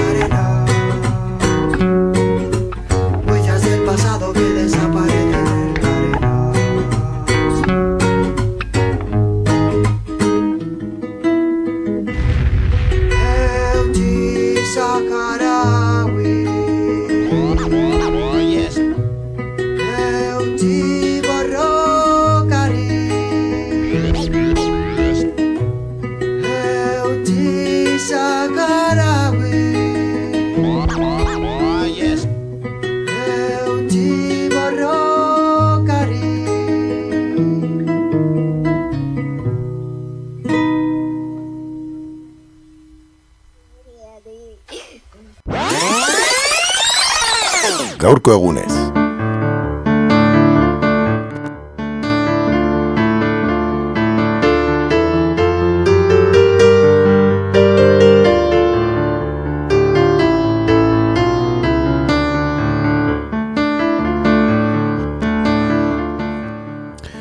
Bueno, ba, nazioartetik herrira buelta egingo dugu, eh, kasu hontan. Areta gehiago, eh, gaurko egunez atalean gure herriko seme ospetsua bezain polemikoa izan zen Gaspar de Jauregi gogoratuko dugulako. E, Frantziaren aurkako gerran lenik gerrillari, ondoren militar eta Espainiako armadako buru izatera iritsi zen Gaspar de Jauregi. Lehenengo gerra karlistan liberaren alde lerratu zen eta karlisten aurka borrokatu zen. Lehen gerra karlista eta gero, foruak ezabatu zituztenean, Espartero generalaren aurka egin zuen. Guazen ba, gure herrikide Gaspar de Jauregi nor zen hobeto ezagutzea.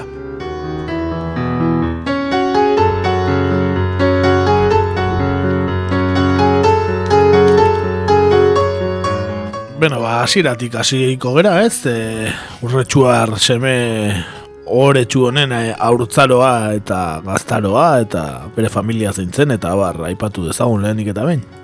Hori da, ba, esan bezala, urretxun jaio zen Gaspar, e, mila zazpireun da, laro maikako iraiaren amabostean egin zuzen ere, eta, ba, e, gazte izen hil zen, mila zortzireun da berrogeita lauko abenduan. E, ba, berrogeita mairu urterekin. Eh? Eta aipatu bere bizitzako e, lehen urtei buruz, ba ez dagoela informazio gehiagi ere, eh? Eta nik eta dudan informazioa ba, bere garaian Frai Jose Ignacio Lasak e, mila behatzen dairu eta mairuan liburu batean ateratakoa da, ez? Gero interneten eta badago jarritaz. Eusko ikaskuntza eta lako web horietan. Baina, esan e, Frai Jose Ignacio Lasak liburu bat atea zuela eta badagoela, honi buruzko liburu bat. Eta hori ez, ba,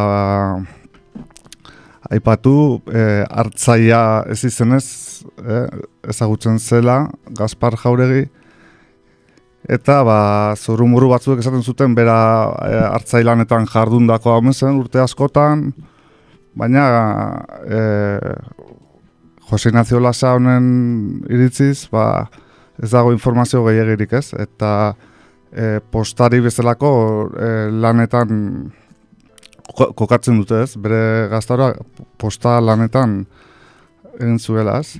Baina e, hartzaia ez izena zuen, ba, e, esaten denez, balitekelako familiak e, hola, ganadua eta bazuela, eta bueno, ba, hartzain lan batzuk eta egiten omen zituen, ba, mutikotan eta egingo zituen eta ja ba, betirako geratu hemen zitzaion hartzaia ez izena ez. Baina, bueno, gero bueno, e, mendian eta gudan ba, ba, hartzaia edo, bueno, ez izena edo ondo baliatuko zuen ikusiko dugun moduan. Ez? Ondo ezagutzen zituela, ez mendiko parajeak. Bai, bai. Eh, ezagite, hartzaia urte askotan izango zen, baina bai, bai, e, mendiak eta ondo ezagutzen zituen bai. Eta hori, e, bere irudia e, landa gizonaren e, irudia zen, e, landatar gizonaren irudia, eta ba, esaten zen e, analfabetoa zela eta lako kontuak esaten ziren bere buruz, ez? Etzikila idazten, eta baraz. Eta ba, lasa honek e, kontu guzti horiek egezurtatzen ditu, zatik e, eh, hainbat eskutitz eta berak idatzitakoak ere guztien ditu, gainera e, txukun idatzitakoak eta e, gero bere sinadura ere nahiko sinadura komplexu omen zen, eta gauza guzti horiek agian ba, bere pizka bat bere orearen kontra egiteko ateratako zurrumorruak omen ziren, ez? Garaiko fake newsak, ez? Ba, bai, ba, bai. E, ba, ja, emeretzi garen mende hasieran eh, fake newsak bazaren, bai, ikusten danez. Eta hori, ba, bere lehen urte buruz eh, ez dago dokumentazio gehiagi. Eta, bueno, ja, pizka bat, eh, ja, bere gaztarora inguratzen joango gara.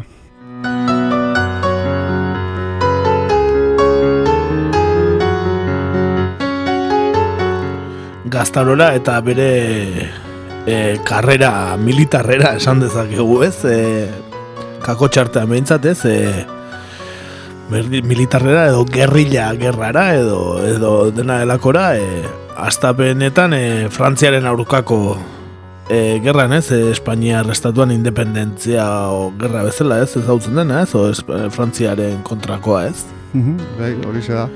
Eta bai, patu, mila zortzireun da bederatzi urte inguruan hasi zela ja e, jauregik e, karrera militarrean eta ba adibidez e, datu batzuen ara- are- e, arabera e, bere lehen ofizio militara voluntario gisa egin zuen eta mila zortzireun da behatziko abuztuaren amazitik aurrera ba, e, Gipuzkoako tropa harinen lehen erregimentuan aritu omen zen, ez?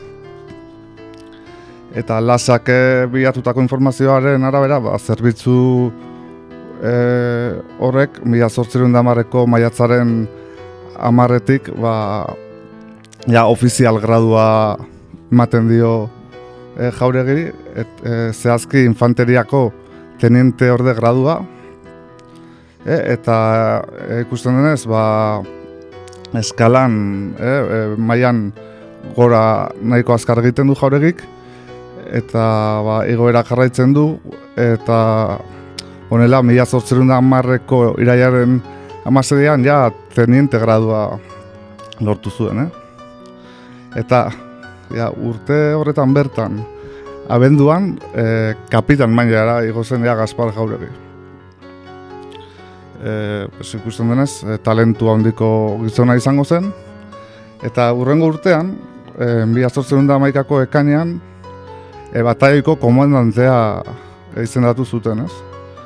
Eta urte horren amaieran, ja, tropa harin guztien komandante buru izendatu zuten jauregi, ez? Osea, ikusten denez, urte tapikoan, ez, soldadu bolu Andres soil izatetik, e, ba, goiko mailara iritsi zela, ez? Talentua bazuela, eh? Gerrarako dirudienez. Bai ez, eta, bueno, hor e, kokatzen gara mila zortzireun da behatzi, mila zortzireun da hamar e, inguruko garai horietan, non e, Napoleonen Frantziaren aurkako gerra garaian eh, kokatu behar gara. Eta, bueno, e, hori gerra horretan e, parte hartze garrantzitsua izan zuen e, berak, eta garrantzitsua izan barra, e, herri honetan gertatu zen e, gertaera bat, ez? Deskargako guda zari zara? Bai, eta e, gaurkoan bi, bi guda kontatuko ditugu, ez? E, lehen, lehenengoa e, Frantziako Frantziaren aurkako gerran, e, hau da, Espainiarrek independentzia gerra delako deitzen diotenean, ba, hori deskarga protago- protagonista izan genuen, ez? Eta ipatu, ba, mila zortzereun da behatzitik, mila zortzereun da amarrera bitartean, ba, e, Araban eta Gipuzkoan hogei leku baino gehiago, e, ja zeren ja gerra eremuan sartutaz, e, gerran nastutaz. Eta azken urte horretako ira- iraiaren hogeita bostean adibidez, e, deskargan e, ikusten danez, ba, hor bataioi bat, ba, e, bueno, gudu bat gertatu zen, eta e, e, ba, bertan ekintza batean Gaspar de Jauregi zaurituta gertatu zen, ez? Eskuineko besoan ba, bala zauri bat jaso zuen, ez? Eta ba, zaurituta ebakuatu behar izan zuten. E, ondoren, ba, bueno, ja, zauria eta gero, ba, beretzako inflexio puntu bat e, gertatu zen, eta e, bueno, e, aipatzen da ondoren e, gerrak e, jarraitu zuela, eta adibidez e, iraiaren emeretzean e, ja, e, errekuperatu ondoren batailera bertatu zen eta e, azpeitiko guarnizioaren aurka e, borrokan e, aritu zela ez. eta berriro beste fusil tiro bat jaso zuen eta berriro zauriturik e, geratu zen, ez? Eta e, orduan bere zaldiare hil omen zioten, ez? E, hori pixka bat, e, Frantziako Frantziaren aurkako gerra horren kontestuan, ez? Utsi zizkion markak eta eta zauria gorputzean. Jo, baiet. Katua baino bizitza gehiago, eh? Gaspar de Jauregik, eh? E, ba, hori ez, ba, imaginatu. E, gero ondoren adibidez, mila sortzeren da amabian e, Bilbo nere aritu zen, bertako guarnitzearen aurkako borrokan, e, ba, han pasa zuen ia mila sortzeren da amabi urte guztia, bizkai inguruan, eta gero berriz ere mila sortzeren da amairuan egipuzko aldera bueltatu zen, hemen ba, hainbat tokitan, hainbat gudutan partatu zuen, e, bai sos del rei katoliko, e, Naparroan, e, Kasteizkarren eta beste hainbat tokitan, e, aprilaren emeretzian gipuzkoara itzuli, eta e, azpeitea eta azkoitea artean beste gudu batean parte hartu zuen, e, ekainaren hogeita eruan gazteizeko guduan ere berak parte hartu zuen, eta e, aipatu baita ere, mila sortzen da mairuko ekainaren egoita sortzitik e, ustaiaren ama ostera e, donostiako setioan ere bera horraritu zela, ez? Eta ba hori, e, egoera horretan bera e, guda betean aritu zen, mila sortzen da ama lauko irailean e, regaren aginduz, e, gortera zauriak sendatzera e, itzultzea behartu arte ez. Sikortze bilen zaurituta, eh? E, donostiari zu eman ziotenekoa, ez? E, aipatu dezuna, adibidez, ez da? E, Hori da. beraz, e, seti hortan parte hartu zuen, e, urretxu arsemeak. Hori da, bai, bai, bai. Eta e, gerra hori bintzate bukatu zen beretzat, ez da? Zauriak osatzera erregearen aginduz e, bueltatu eta gero, baina e, borrukarako gogoa eta indarra ez zitzaion e, baretu, eh? Bai, gero ja, Frantziaren aurkako gerra edo, bueno, Espainiark independentziaren gerra deitu eta gero e, bueno, urte batzuetan zertan aritu zen ere, bueno, ez dago oso garbi, e, ba, pentsatzen dugu bere zauriak eta sendatzen eta rekuperatzen nahiko lan izango zuela gizonak, ez? Gazta egin, e, bai, ez? Urte pare batea, zardi egin. Bere Zarroa, animali- bai, bai, lanbetuta. animali kasu egin eta ba bueno, ba ondoren ja e, gerturak tuko gara ja lehen gerra karlista ingurura, ez? Zatik e, dakigun bezala Fe- Fernando Zazpigarrenaren eriotzaren ondoren lehen gerra karlista hasi zen eta ba une horretan e, e, Gaspar de Jauregi e, Gi- Gipuzkoako e, kapitan e, nagusiak eta foru aldundiak e, gonbita egin zioten ba, tropa berezi batzuk e, sortzeko, ez? E, nola karlisten altxamentu bat egon zen, ba, e, bera ofizialekin, esan daiteke, ba, e, agindu zioten hori, e, milizia bat sortzeko, ez? Eta txapelgorri izenarekin sortu zituen, ez? Txapelgorriak izenarekin, gero askot maztu daiteke karlisten txapelgorriekin, baina e, Gaspar de Jauregik sortu zuen gerria berezi bat txapelgorriak izenarekin, ez? Eta liberalen alde borrokatu zen. Liberalen alde borrokatu zen. Eta hori ez, e, dakigun bezala e, gerra karlista oso go- gogorra izan zen. Aipatu behar da, e, Frantziaren aurkako gerran, e, Gaspar de Jauregik, Zuma Lakarregi generalaren laguna zela, eta biak e, batera hainbat gudutan parte hartu zutela, ez? Baina ondoren gerra karlistan, ba, biak e, arerio biakatu ziren. Eta hori, e, aipatzekoa da, ba, bueno, hainbat e, gudu ezagun e, gertatu ziren.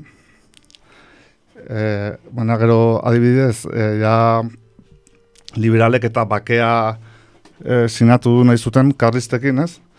Eta sortu zuten e, muñagorri izeneko ora izan zen adierazpen bat bezala, ez? Liberalek bultzatuta non e, karlistak pixka bat ahuldu nahi zutuzten, esaten zuten, izkribu horren arabera, ba, beraiek e, bakea ekarriko zuten e, foruak errespetatuz, ez? E, Osa, gobernu liberalaren alde egin, e, bakea bermatuko dugu eta foruak errespetatuko ditugu, ez? Eta Gaspar de Jauregi erabili zuten pixka bat e, ezagitu, ba, horren alde propaganda egiteko, ez? Zubilanak egiteko eta eta jendea, ez? Konbentzitzeko liberalak aginduta ere foruak eta ez zirela esartuko, ez? hori da, eta, bueno, ba, horre, ba, gizuek, azkaundiak sortu ziren, Karlista hainbatek onartu zuten, beste hainbatek ez, eta gero jak, ezaguna egin zen e, bergarako besarka da e, gertatu zen, ez? Mila zortzireun da goita meretzean, ez? Hori, ba, berak e, guzti hori babestu zuen, e, bake ditun bat izan zen, baina, e, ja, e, hortikan, urte bate eta urte batera ja egoerak ikiltzen hasi zen, ez? Zatik eh dakizuen bezala, ja liberalak ere foruak mehatxatzen hasi ziren. Eta hor, e, milit, golpe militar moduko bat egon zen, ez? Oktubra da izenarekin, ez? Eta bertan parte hartu zuen e, jauregik e, berak e, Donel e, koronelarekin batera, espateroren aurka egiteko, ez? Eta, bueno, e, utz egin zuten altxamendu hortan, eta ba, erbestera alde egin behar izan zuen, ez? Eta deskargako, ez? Deskargan beste guda bat izan zuen. Hori da, orain aipatuko dugun bezala, ez? E, e, lehen gerra karlistadaren kontestuan, sartu behar dugu dau, mila zortziren da goita maosteko ekainaren bian, gertatu zen, deskarga mendate inguruan, ez? Eta lehen nahi patu dugun bezala, ba, zumalak arregik e, ogeita maosteko maiatzaren e, ondarrean e, ordizia setiatu zuen, e, eta ba, or, e, menperatzeko gauza zela erakutsi zuen, ez? Arregik ez? eta ordizian bildutako liberalek e, erasoari irmoki eusten saiatu ziren eta ba, e, arti, ar, artilleria karlistaren haulezi guneak edo ikusi zituzten eta ba, e, itxaropena zaukaten e, ba, setiatuta zuen liberal hauek ba, laguntza jasoko zutela kanpotik ez. Eta honela e, jauregi donostiatik e, gerturatu zen, eta e, bestalde e, e, bari, laguntza eramatera gerturatu zen, ez? E, ondoren, ba, ordiziako setia ba, gogortzen zaiatu zen, esan bezala, eta ba, Gomez de Tolosa, Gomez e, Tolosa aldera e, bidalu zuten hartzaiaren e, e, Gaspar de Jauregiren indarrei eusteko ez. Eta hori Esparteroren indarrak, e, seti zuden indarrak kontrolatzeko ez. Eta hori, e, ja, pizkat gudu zelaira gerturatuz, e, kainaren bian, Espartero, e, urretxura gerturatu zen ikusten denez, eta deskargan kokatu zen e, bere ba, beste buruzagi liberal batzu batzu itxaroten ez. Eta ikusten danez, e, gau hartan ba, sekulako ekaitza egin zuen, eta ba, karlistek e, ekaitzarekin batera aprobetsatu zuten eraso bortiz bat egiteko ez. Eta ba, esparterok e, ba, erretiratu egin behar izan zuen ez?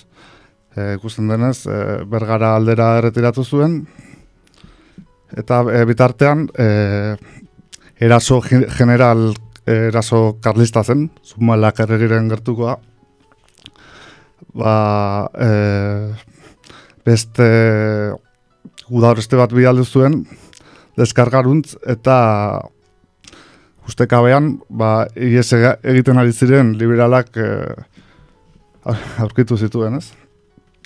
Eta hori, eh, ba, esan daiteke eh, nola eh, eh, enboskada bat egin zietela liberalei, eta hori, eh, izugarrizko eh, txikizioa eh, izan zen beraientzat, esaten da, eh, 2000 liberal baina gehiago preso hartu zituztela, eh? Osea, imaginatu ze nolako gudataz hitz egiten ari garen, ez? Eta hori, eh, ematen duenez, e, gudu horrek e, liberalengan beldur bat sortu zuela, eta e, bilboran zerretiratu zirela, ez? Eta hori, e, pixka bat, e, ba, mugarri izan omen zen, deskargako gudu hori, ikusten danez. Eta epatu lehen eh, esan dugu ordiziako setioa, ba, ekainaren iruan, ba, deskargako gudu honen ondorioz, eh, ordizia errenditu egin zen, eta karlisten esku geratu zen, ez? Eta segidan, ba, Bergara, Tolosa, Ibar eta Irun eta Durango ere, ba, karlisten esku geratuko ziren, ez? Eta hori, ba, deskargako eh, setio edo enboskada horren eragina, esaten da, segulako izan zela, zatik e, Gipuzkoa, Bizkaia, eta bueno, e, lurralde guztia hiriburuak kenduta, e, ba, karlisten esku geratu zirelako. Eh? Beraz, eh, deskarga zona estrategikoa, eh? Jo, baiet. Bi gerratan, bintzat. Eta, eta gure herrikide Gaspar, bueno, benetan, eh, nik enun ezagutzen gehiagi bere historia. Ez da nik ere, ez da nik ere, eta, bueno... Gerrillaria, eh? Iritziak aparte hori da, gerrillaari, baina amorratua, eh? Bai, Mila eta- bataia eta egondakoa. Eta dirudienez militarki, ez, jantzia, ez, Bai. bazekien eh, Oso borrokan. Argia izan marko, ez? Iz, izango zan, hainbesteko, ez? Eh, arrakaste izateko, ez, armadan. Bai, esa- esaten denez, eh, berak eh, eh, gerra de guerrillas edo delakoa ren estrategia erabiltzen omen zuen, ez? Eta zeren no, mendiak eta ondo ezagutzen zituen. Eta, bueno, berak eh, lehen aipatuko bezala, nora Frantziaren aurkako gerran Zumalakarregirekin aritutakoa zen, ba, Zumalakarregi berak ere estrategia horretan oso, oso abia zen, ez? Eta igual izan daitezke, ba, e, historia militarean egon daitezken bi estrategarik e, handienetakoak izango dira ziurrenik bai Zumalakarregi eta bai jauregi, eta biak e, ia bizilagunak ez, e, bai, ku- kurioso da ez. Eta bueno, e, aipatu sariak, e, bueno, sariak edo kondekorazio batzuk jaso zituen jauregik, ez? Bere karrera militar e, luze eta gloriosoa gaitik, gloriosoa gaitik, eh? Eta ba, independentzia geraren ondoreko on, ondoren ba, e, ordena militareko irugarren klaseko zaldun titula eman zioten, eh, gero orezko beste gurutze batzuk eta eman zizkioten, eta ba, adibidez, e, gerrako merituengatik, e, ba, hori, e, zazpigarren armadaren gurutzea, laugarren amar, amar, bueno, armadarena, eta beste hainbat e, jaso zituen, eta eta esaten da, e, e, hori, e, erregina berak ere kondekorazioa eman omen zion, eta hori, ba, ore guztiak jasotako giza semea dela, ez? Eta hori, Multikondekoratutako gizona, eh? Ez da? Bai, bai, hori da. Eh, benetan, eh, Gaspar de Jauregi, eh, ez dauka ez dauka estatuarik herrian dakigunla, ez? Eta berreun ga, o, bigarren mendeurrenean ere ez zizkioten eh, ekitaldiak egin, ez da? Baina, bai, eh, historiara pasan gizona, dudari gabe. bai, ba, hori, e, Frantziaren aurkako gerran e, aritutakoa, ondoren ba, gerra, lehen gerra karlistan ba, liberalekin lerratu zen, hau da ofizialtasunarekin lerratu zena, baina e, foruen aldekoa zela, ez, azpimaratu behar da, ez. Eta e, gero espartero generalak foruak ezabatu zituenan, ba, gogorki foru horren e, foruak, foruak e, kentzaren aurka e, altxatu zen, ikusi dugu mesela, gaina ez, kolpe militar bat e, bultzatuz, eta bar, eh? Historial potoloko gizasemea, eh? Bai, bai, bai, bere printzipioa bazituela dirudi behintzat. E, ba hori xe, Gaspar Jauregiren e, bizitza, eh? eta honek ere pelikula baterako ematen du, eh? Bai, bai, bai, bai, temporada bat iteko ere, eh? Bai, bai, oin seriak euskeraz e, berriro hasi diren honetan, eh? Oian hor baukate pertsonaia bat.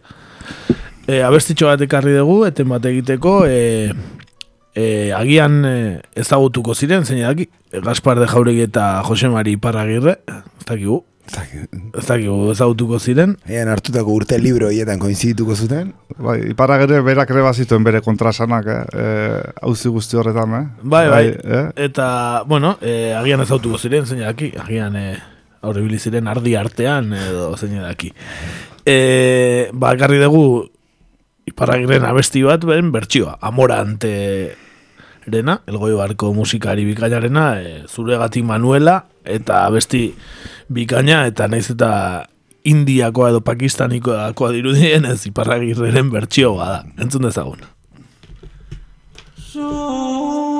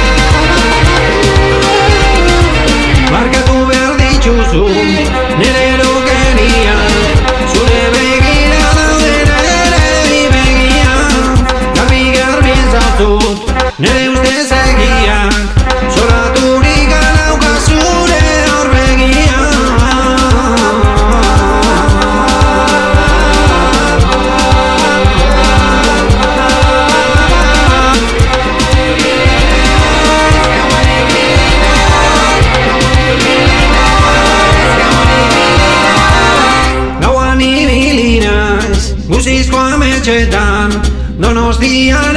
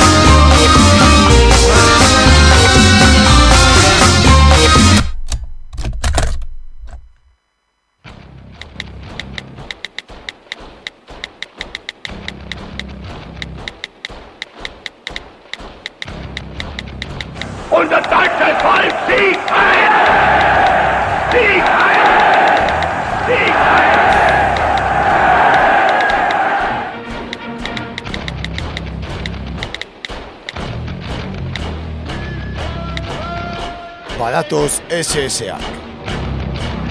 Sare sozialetan egur.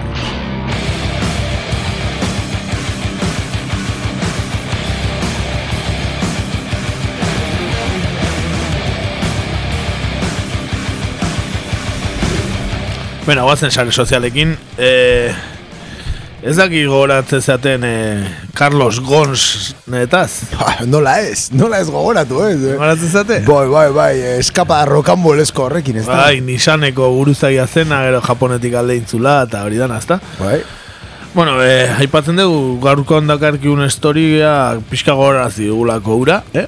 Esan Carlos Gosnek eh, Libanon jarraitzen duela, eh, oain eh, liburu bat atea dula, bere bizipenekin, eta liburua salgai daukala, eta bestalde, eh, ba, bere iesaldi famatuan parte hartu zuten bi pertsona, aita semeak direnak, eh, Amerikako estatu batuak Japoniara estra- estraditatu ditula, ez daukate etorkizun oso paroa. Ez, ez, ez. Aita seme horiek, ez dakit, ba, bat militarroia, o, ba, ba, hori, ba, planatu zuten apiskate Carlos Gosnen iesa. Bueno, ba, gaurkan beste antzeko historia batekin antzekoa, bueno, guri antzeko tasun batzu bintzat torre zaizkigu, burura. E, historia John McAfeerena da. E, ez dait, McAfee entzun da zeo zer e, burura tortzea izuen. Ba, antivirusa, ez? Antivirusa, ez? Hori da. Makafe antivirus famatu gura, Hori ez? da, hori da, ordenagailutako antivirusaren sortzailea da John McAfee. Toma, eh? eh. Dano ezagutuko deguna, ez? Ni bintzat bastante nazka ematen dit antivirus horre, beti saltatzen ditu zein tokitan. Bai, bai, gorrota garria. Bai, bai. ba, McAfee, gizon hau, ba, eh, hainbat herrialdetan eh, justiziatik ies egin ondoren, ba, munduko antivirus ospetsuenaren sortzailea urrian, aurreko hilean atxilotu zuten eh, Bartzelonako aeroportuan. Zea izan, kortafuegos aprobatzen, o... Hori da, hori da, fire, firewall. Firewall probatzen, o... Zea izan. Hilabeteak zera matan eh, Cambri, Cambrilseko hotel baten ezkutatuta dirudienez, eta hotel horren sotoan eh, deitu diote kriptomoneta etxaldea edo kripto, kriptomoneta baratza bat zaukala, ez? Ordenagailuz beteta ba, ba bitcoinak eta horietakoak eh, ba sortzen, o bueno, nola baite irabaztiak emate zizkion ordenagailu sare bat edo zaukala hotelaren sotoan, ez? Onda aprobetxatuta, eh? Bertako... Hala, irudi. E, soto hori 2018ko urtarrilean ja eskuadra mosoek aurkitu zuten. E, Daurada Park hotelean, Cambrilsen. Hiru izarreko hotel, bueno, arrunt xamar bat, esan dezagun, ez da, bost izarreko ikaragarrizko hotel bat, eh? Eta, bueno, hoteleko hotelatuan enpresari errusiar batek erositako neoizko argiak zeudela eta ba, mosoek uste zuten e, prostituzioaren inguruko zeo zer zegola. Sorpresa. Baina ez, horren, inguru, horren inguruko ez erretzegon, da horren ordez dozenaka ordenagailu zeuden e, sotoan, ez? E, elkarri konektatuta, segurtasun dispositibo gogorrekin eta badibidez e, ordenagailutan sartzeko atz markarekin bi kontrol pasabar ziren, ez? Beraz, bueno, nahikoa segurtasuneko kontua. E, orduan atzema zuten e, bitcoin e, txalde hau edo baratza hau edo ez dakit nola deitu. Eta e, bi urte, ia bi urte geroago atxilotu dute John McAfee ez, e, aireportuan. Eta dirudienez ba hotel hortan eskutatze zen edo. E, esan munduko e, teknologia handietako bat ez virusaren aurkako softwaregatik ezaguna egintzela gizona E, eta azken urteetan ba, bere bizitza izan dela estatu batutako epaileen gatik edo justiziaren gatik iesi ibiltzea. eta esan bezala Bartzelonako aireportuan atxilotu zuten, e, estatu batuak jarrait, bueno, ba, bere bilabil Amerika estatu batuako justizia, ba, zergak ez ordaintzea egozten diotelako, ez? E, arraroa, eh? Bai, bai. Pekatu nahiko, eh, originala, eta... Esan, e, atxilotu zuen egunetik aurrera Brians bat espetxean dagoela Katalunian, e, bere estradizioaren zain, eta bere hitzetan Espainiako kartzelako bizitza Hilton hotel batean egotaren antzekoa da Amerikako espetxeen desumin, deshumanizazioarekin alderatuta. Tira, eh? Jode. Así que, lehen aipatu Bai, ditugu eh, espetxeak, ba, bida. Entzun digu, ez da? Ai, eh? da. Mhm. Hala dirazu bere emaztea bialitako hor batean, eta baita esan du hemen gizaki bat bezala tratatzen naute, ez zenbaki bat bezala. Imaginatu, ez? Ez, Ez eh, dakit estatu batutako kartelak ezagutu dituen, eh? hori ere ez dakit, egia esan. Baina, bueno, ze esango du ba ez, ez estraitatzeko ba esan beharko du oso ondo dagola, ez? Eh, esan makafik iruro gehieta ma urte dituela. Ja, eh? ne, ne, agur Ez da- da da. gazte bat, eh? ba, ba. Eta e, konfinamendu gara hauetan ibili dela ba, sareetan eta jartzen ba, ibiliko baliz bendela munduan zehar ibiliko baliz bez, bezala, ez? E, ba, pixkat e, ba, bere bila zebiltzanak eta despistatzeko edo, ba, ba, beha zegoen berez Kataluniako dirudienez daurada park e, ontan, ez? Bitcoin etxaldea zeuken hotel ontan, eta beha berriz, ba, hori, mundutik ibiliko baliz bezala, ba, argazkiak publikatzen, Eta adibidez bat jartzezune, hemen nao Bielorusian e, ba, gixatu bat jaten, no? ez da gizer, azaltzezan mai baten, eta sare sozialetako ba, erabiltzaile behaiek esatzete, bai, zeon gozea Bielorusian zi dago, ez da gize botella txampa, o kaba katalana, eta ura zan, ez da gize, ura zan, insaluz ez, baina hola, ura zan ez dakizein, eta hola, ez da, eta... Eta bueno, ez, ez dula oso ondo montao, ez? gauzatzen dugu kapazia, eh, ikalarria, baina beste bat ez Bai, bai. dago. Eh, eh, esan, ba hori, eh, eh, ordenagailuek operazio informatiko komplexioa egiten dituzten kriptomoneda jasotzeko zirela, ez? Ba, hor ez euskanak daurada park hortan. Eta, bueno, ba, elektrizitate kostu handia zela, eta bar, eta eta horregatik, ba, juntzirela hori ikustea, eta gero, ba, hor, aurkitu dutela. E, esan, ba, lehen aipatu ezela, McAfee aberatsa egin dala, ba, bere izena daraman antivirusarekin, ez? Larogeita zazpian, lehen virus informatikoek mundu osoko ekipoei erasaten hasi zirenean, ba, McAfee, McAfee Associates sortu zuen Santa Clarako bere etxean, Kalifornian. Eta bere negozio plana zein izan zen, ba, has- hasieran antivirusa oparitu, eta gero zerbitzu teknikoagatik eta enpresetan instalatzeagatik kobratu. Bost urteren buruan munduko ehun konpainia nagusien erdiak zeukaten instalatuta McAfee e, antivirusa, eta... Gusto txarrekok, eh? Hori da, eta mila eta marrean ja, McAfee urtean bost milioi dolar fakturatzen zituen. Beraz, e, bueno, ba ez elezetik hasi zen, bere etxean sortu zuen McAfee antivirusa, eta kigu informatikoa den edo ez, ez dut begiratu, baina ez ze jakin beharko du, e, horrelakoak montatzeko. Eta ja hor hasi zen, ba, McAfeeren goraka da, arrakasta sozial handia, Silicon Valleyen bihurtu zen referentziazko gizon bat, e, Stanfordeko unibertsitatean bere estrategia komertziala aztertzen zen, doktor honoris causa intzuten Roanoko unibertsitatean, itzaldiak emate zitun, espiritualtasunari buruzko liburuak idatzi, yoga akademia bat sortu, e, abioi e, eskola bat avionetak idatzeko eskola bat zeukan, bera aireportua, bueno, dan, danetik. e, o- emate zi- ordenagailuak oparitzizkien ikastetxe behartxuenei, iragarkiak ordentze zituen e, prentxan drogaren arriskuak ohartaraziz. Filantropo bat. Bai, bai, filantropo bat. E, baina 2008ko mundu mailako krisi ekonomikoak ba, era bat harrapatu zuen, John McAfee, eta New York Timesen arabera, ba, bera beraztasuna eun milioi eurokoa baldin bazen, lau milioi eurora jaitsi zen. Bueno. Horrek suposatzen dionarekin, ezta? E, ba, orduan e, bere propietatea saltzen eta hasi behar izan zuen, eta bar, eta hor joan zen e, Belizera joan zen bizitzera.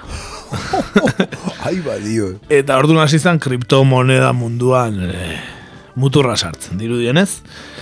Eta ba, justizia, Amerikako estatuetako justizia departamentua, ba, orduan hasi zen, ba, zerga saiestea egozten e, John McAfee, ezta? 2000 eta malau eta 2000 eta arteko aitorpenak ez aurkestea leporatu zion. Eta baita ba Twitterren adibidez, ba diru kopuru handien truke kriptomonedak saltzea eta sustatzeagatik eta baita bere bizitza film bateako eskubila saltzeagatik eta bar ba ez zituela deklaratu, ez aitorpena ez zuela egin, eh, ba ordaintzeko bere zergak, ez? Eta horregatik dago ba justizia bere bere atzetik dabil, ezta? Eta e, gainera dirudienez egin zituen azkeneko negozio gehienak ba, kriptomoneta hontan kobratu zituen eta abar ba claro, horrek gero ez dia ez dia aitortzen, eh, zer gatan. Eta dirudienez egozten dioten delituen baturakin, ba, hoeta mar urteko kartzela zigorra. Izan dezake John McAfee, eh? Ostra, eh? Hori, hori ez da espama, eh? Hori ez da espama. Eta hori, ba, bere gainbera etzen horreten, e, hilketa batekin erlazionatzen dute belizen bertan, sexualikiko menpekotasuna daukala esaten dute, e, Amerikako estatu batuetako presidente izateko hautagaitza aurkeztu zuen, par, partido, partido libertariotik, alderdi libertarioa, ez da, ez da, ez da, Bai, bai, Eta hori, ba, Silicon Valleydetik, ba, Karibeko ondartza batera bukatu zuen, ba, preso hoi ez inguratuta, su fusilakin ibiltze zian bere guardaespaldas modura preso hoi batzuk, eta bar, eta ba, hori azken amarkadan bihurtu da pertsonaia benetan harrigarri bat. Eta hori, dirudienez 2019tik Katalunian egonda, eta orain atxilotu dute aurreko hilabetean eta orain estradizioaren zai dago. Eta hala ere beak uste du aske geratuko dela estraditatu aurretik. Ikusi behar. Bai, bai, bai, bai, Ba. akaso, igual, antivirus berriren bat oparitu barko dio Espainian gobernuari, o zer bai, baiten? bai, bai, kartzela sistemarako antivirus berri bat edo... Edo kasu okerrenean, ba, bueno, Puigdemonten finantzazioa berak eraman duela esatea. Hori ere izan liteke, hori ere izan liteke, hori, ere izan liteke, ba... Hazi historia, eh? Bai, bai, historia. Carlos Gosena desberdina zan, ez? Pelikuleroa, bueno, desberdina, peli, desberdina. Belizen preso hoiez inguratuta hor bizian, ez? Hor, bai. Silicon Valleyeko guru bat, nahiko, ez? Ba, bai, daia iru eta magost urte dauzka, eh? Eta ondio hor, gerran dabil, eh? Ostra. Ba, hori xe, azte honetan gereukan histori, historia txoa, eh? John McAfee-rena, eh? McAfee antivirusen jabea. Nik esango nuen beak asmatu zitura kasia trampa hoiek, eh? Ja, jarrita egoten direnak zehoze instalatzen dezunen eta antivirus suplementario bat instalatzen Bai, bai. duten hoiek, ez? Bai, bai, John McAfee asmatu zituen. Ikusten da bazekila negozioak egiten, eh? Bai, bai, tipo argia, orain arte. Ba, bai, gauza gehiago gore aipatzen ziren, eh? Belizen eh, farmazeutika bat iriki zuela eh, produktu naturalekin egindako eh, medikamentuak sortzeko, eta beak uste zuen zia bere atzetik zebilela, eta ez bueno, gauza pilo bat. Benetan, eh, ba, bere aberastasuna galtzen hasitzenetik, ba, personaje bikaina bihurtu zaigun John Bai, McAfee. bai, bai, John McAfeeren deklibearen testigantza, eh? Hori da. Wow. Ba, hortxe, hortxe gaurkoa, eh? Eta, hoxe, eskuminak eh, Andoni Hortu Zarrieta, bar, urrengoan. Esango diet, nahiko liatuta azken alditan, Espainiako aurrekontuen asuntoarekin, Mhm. eta moskeatuta, irudi bildukoak aurreratu diela, eta bakizu pika dakate baien Ah, artean, bai. eta, bai, Ah, bai. Eskubitiko ezkerretik aurratu. Galdera polita. e, ba, hori, urrengoan Andonirekin mazatu, zekarri Hortu Zarren gaztaia, eh? Benetan gaztai bikaina daukala. Saiatuko naiz, eta ja karnabaletako jaz garen konfinatuta, eta bueno, denen Eta zer zer egiten duen, polita egiten deun. Bai, hori da, berra urten zertaz disfrazatzen den. Hori da, hori da. Bueno, abesti batekin agertuko gara, gaurkoan eh, potatoren algo falla, ekartzea pentsatu dugu. Desde luego. Ba, no, ba, el mundo perfecto binario eta bar, bueno, ba, antivirusaz eta aritu garen ez, ba, bueno, venga. Algo falla. John McAfee entzat bintzat, bai, algo falla dudarik gabe. eta hori xe, datorren astera arte. Hori da, eta bitarten gaiztok izan. Hori da, eta maskaria jantzi, eh? Oh, beti. Eh, bazpare. Hori da, esto no ha pasado. Aio.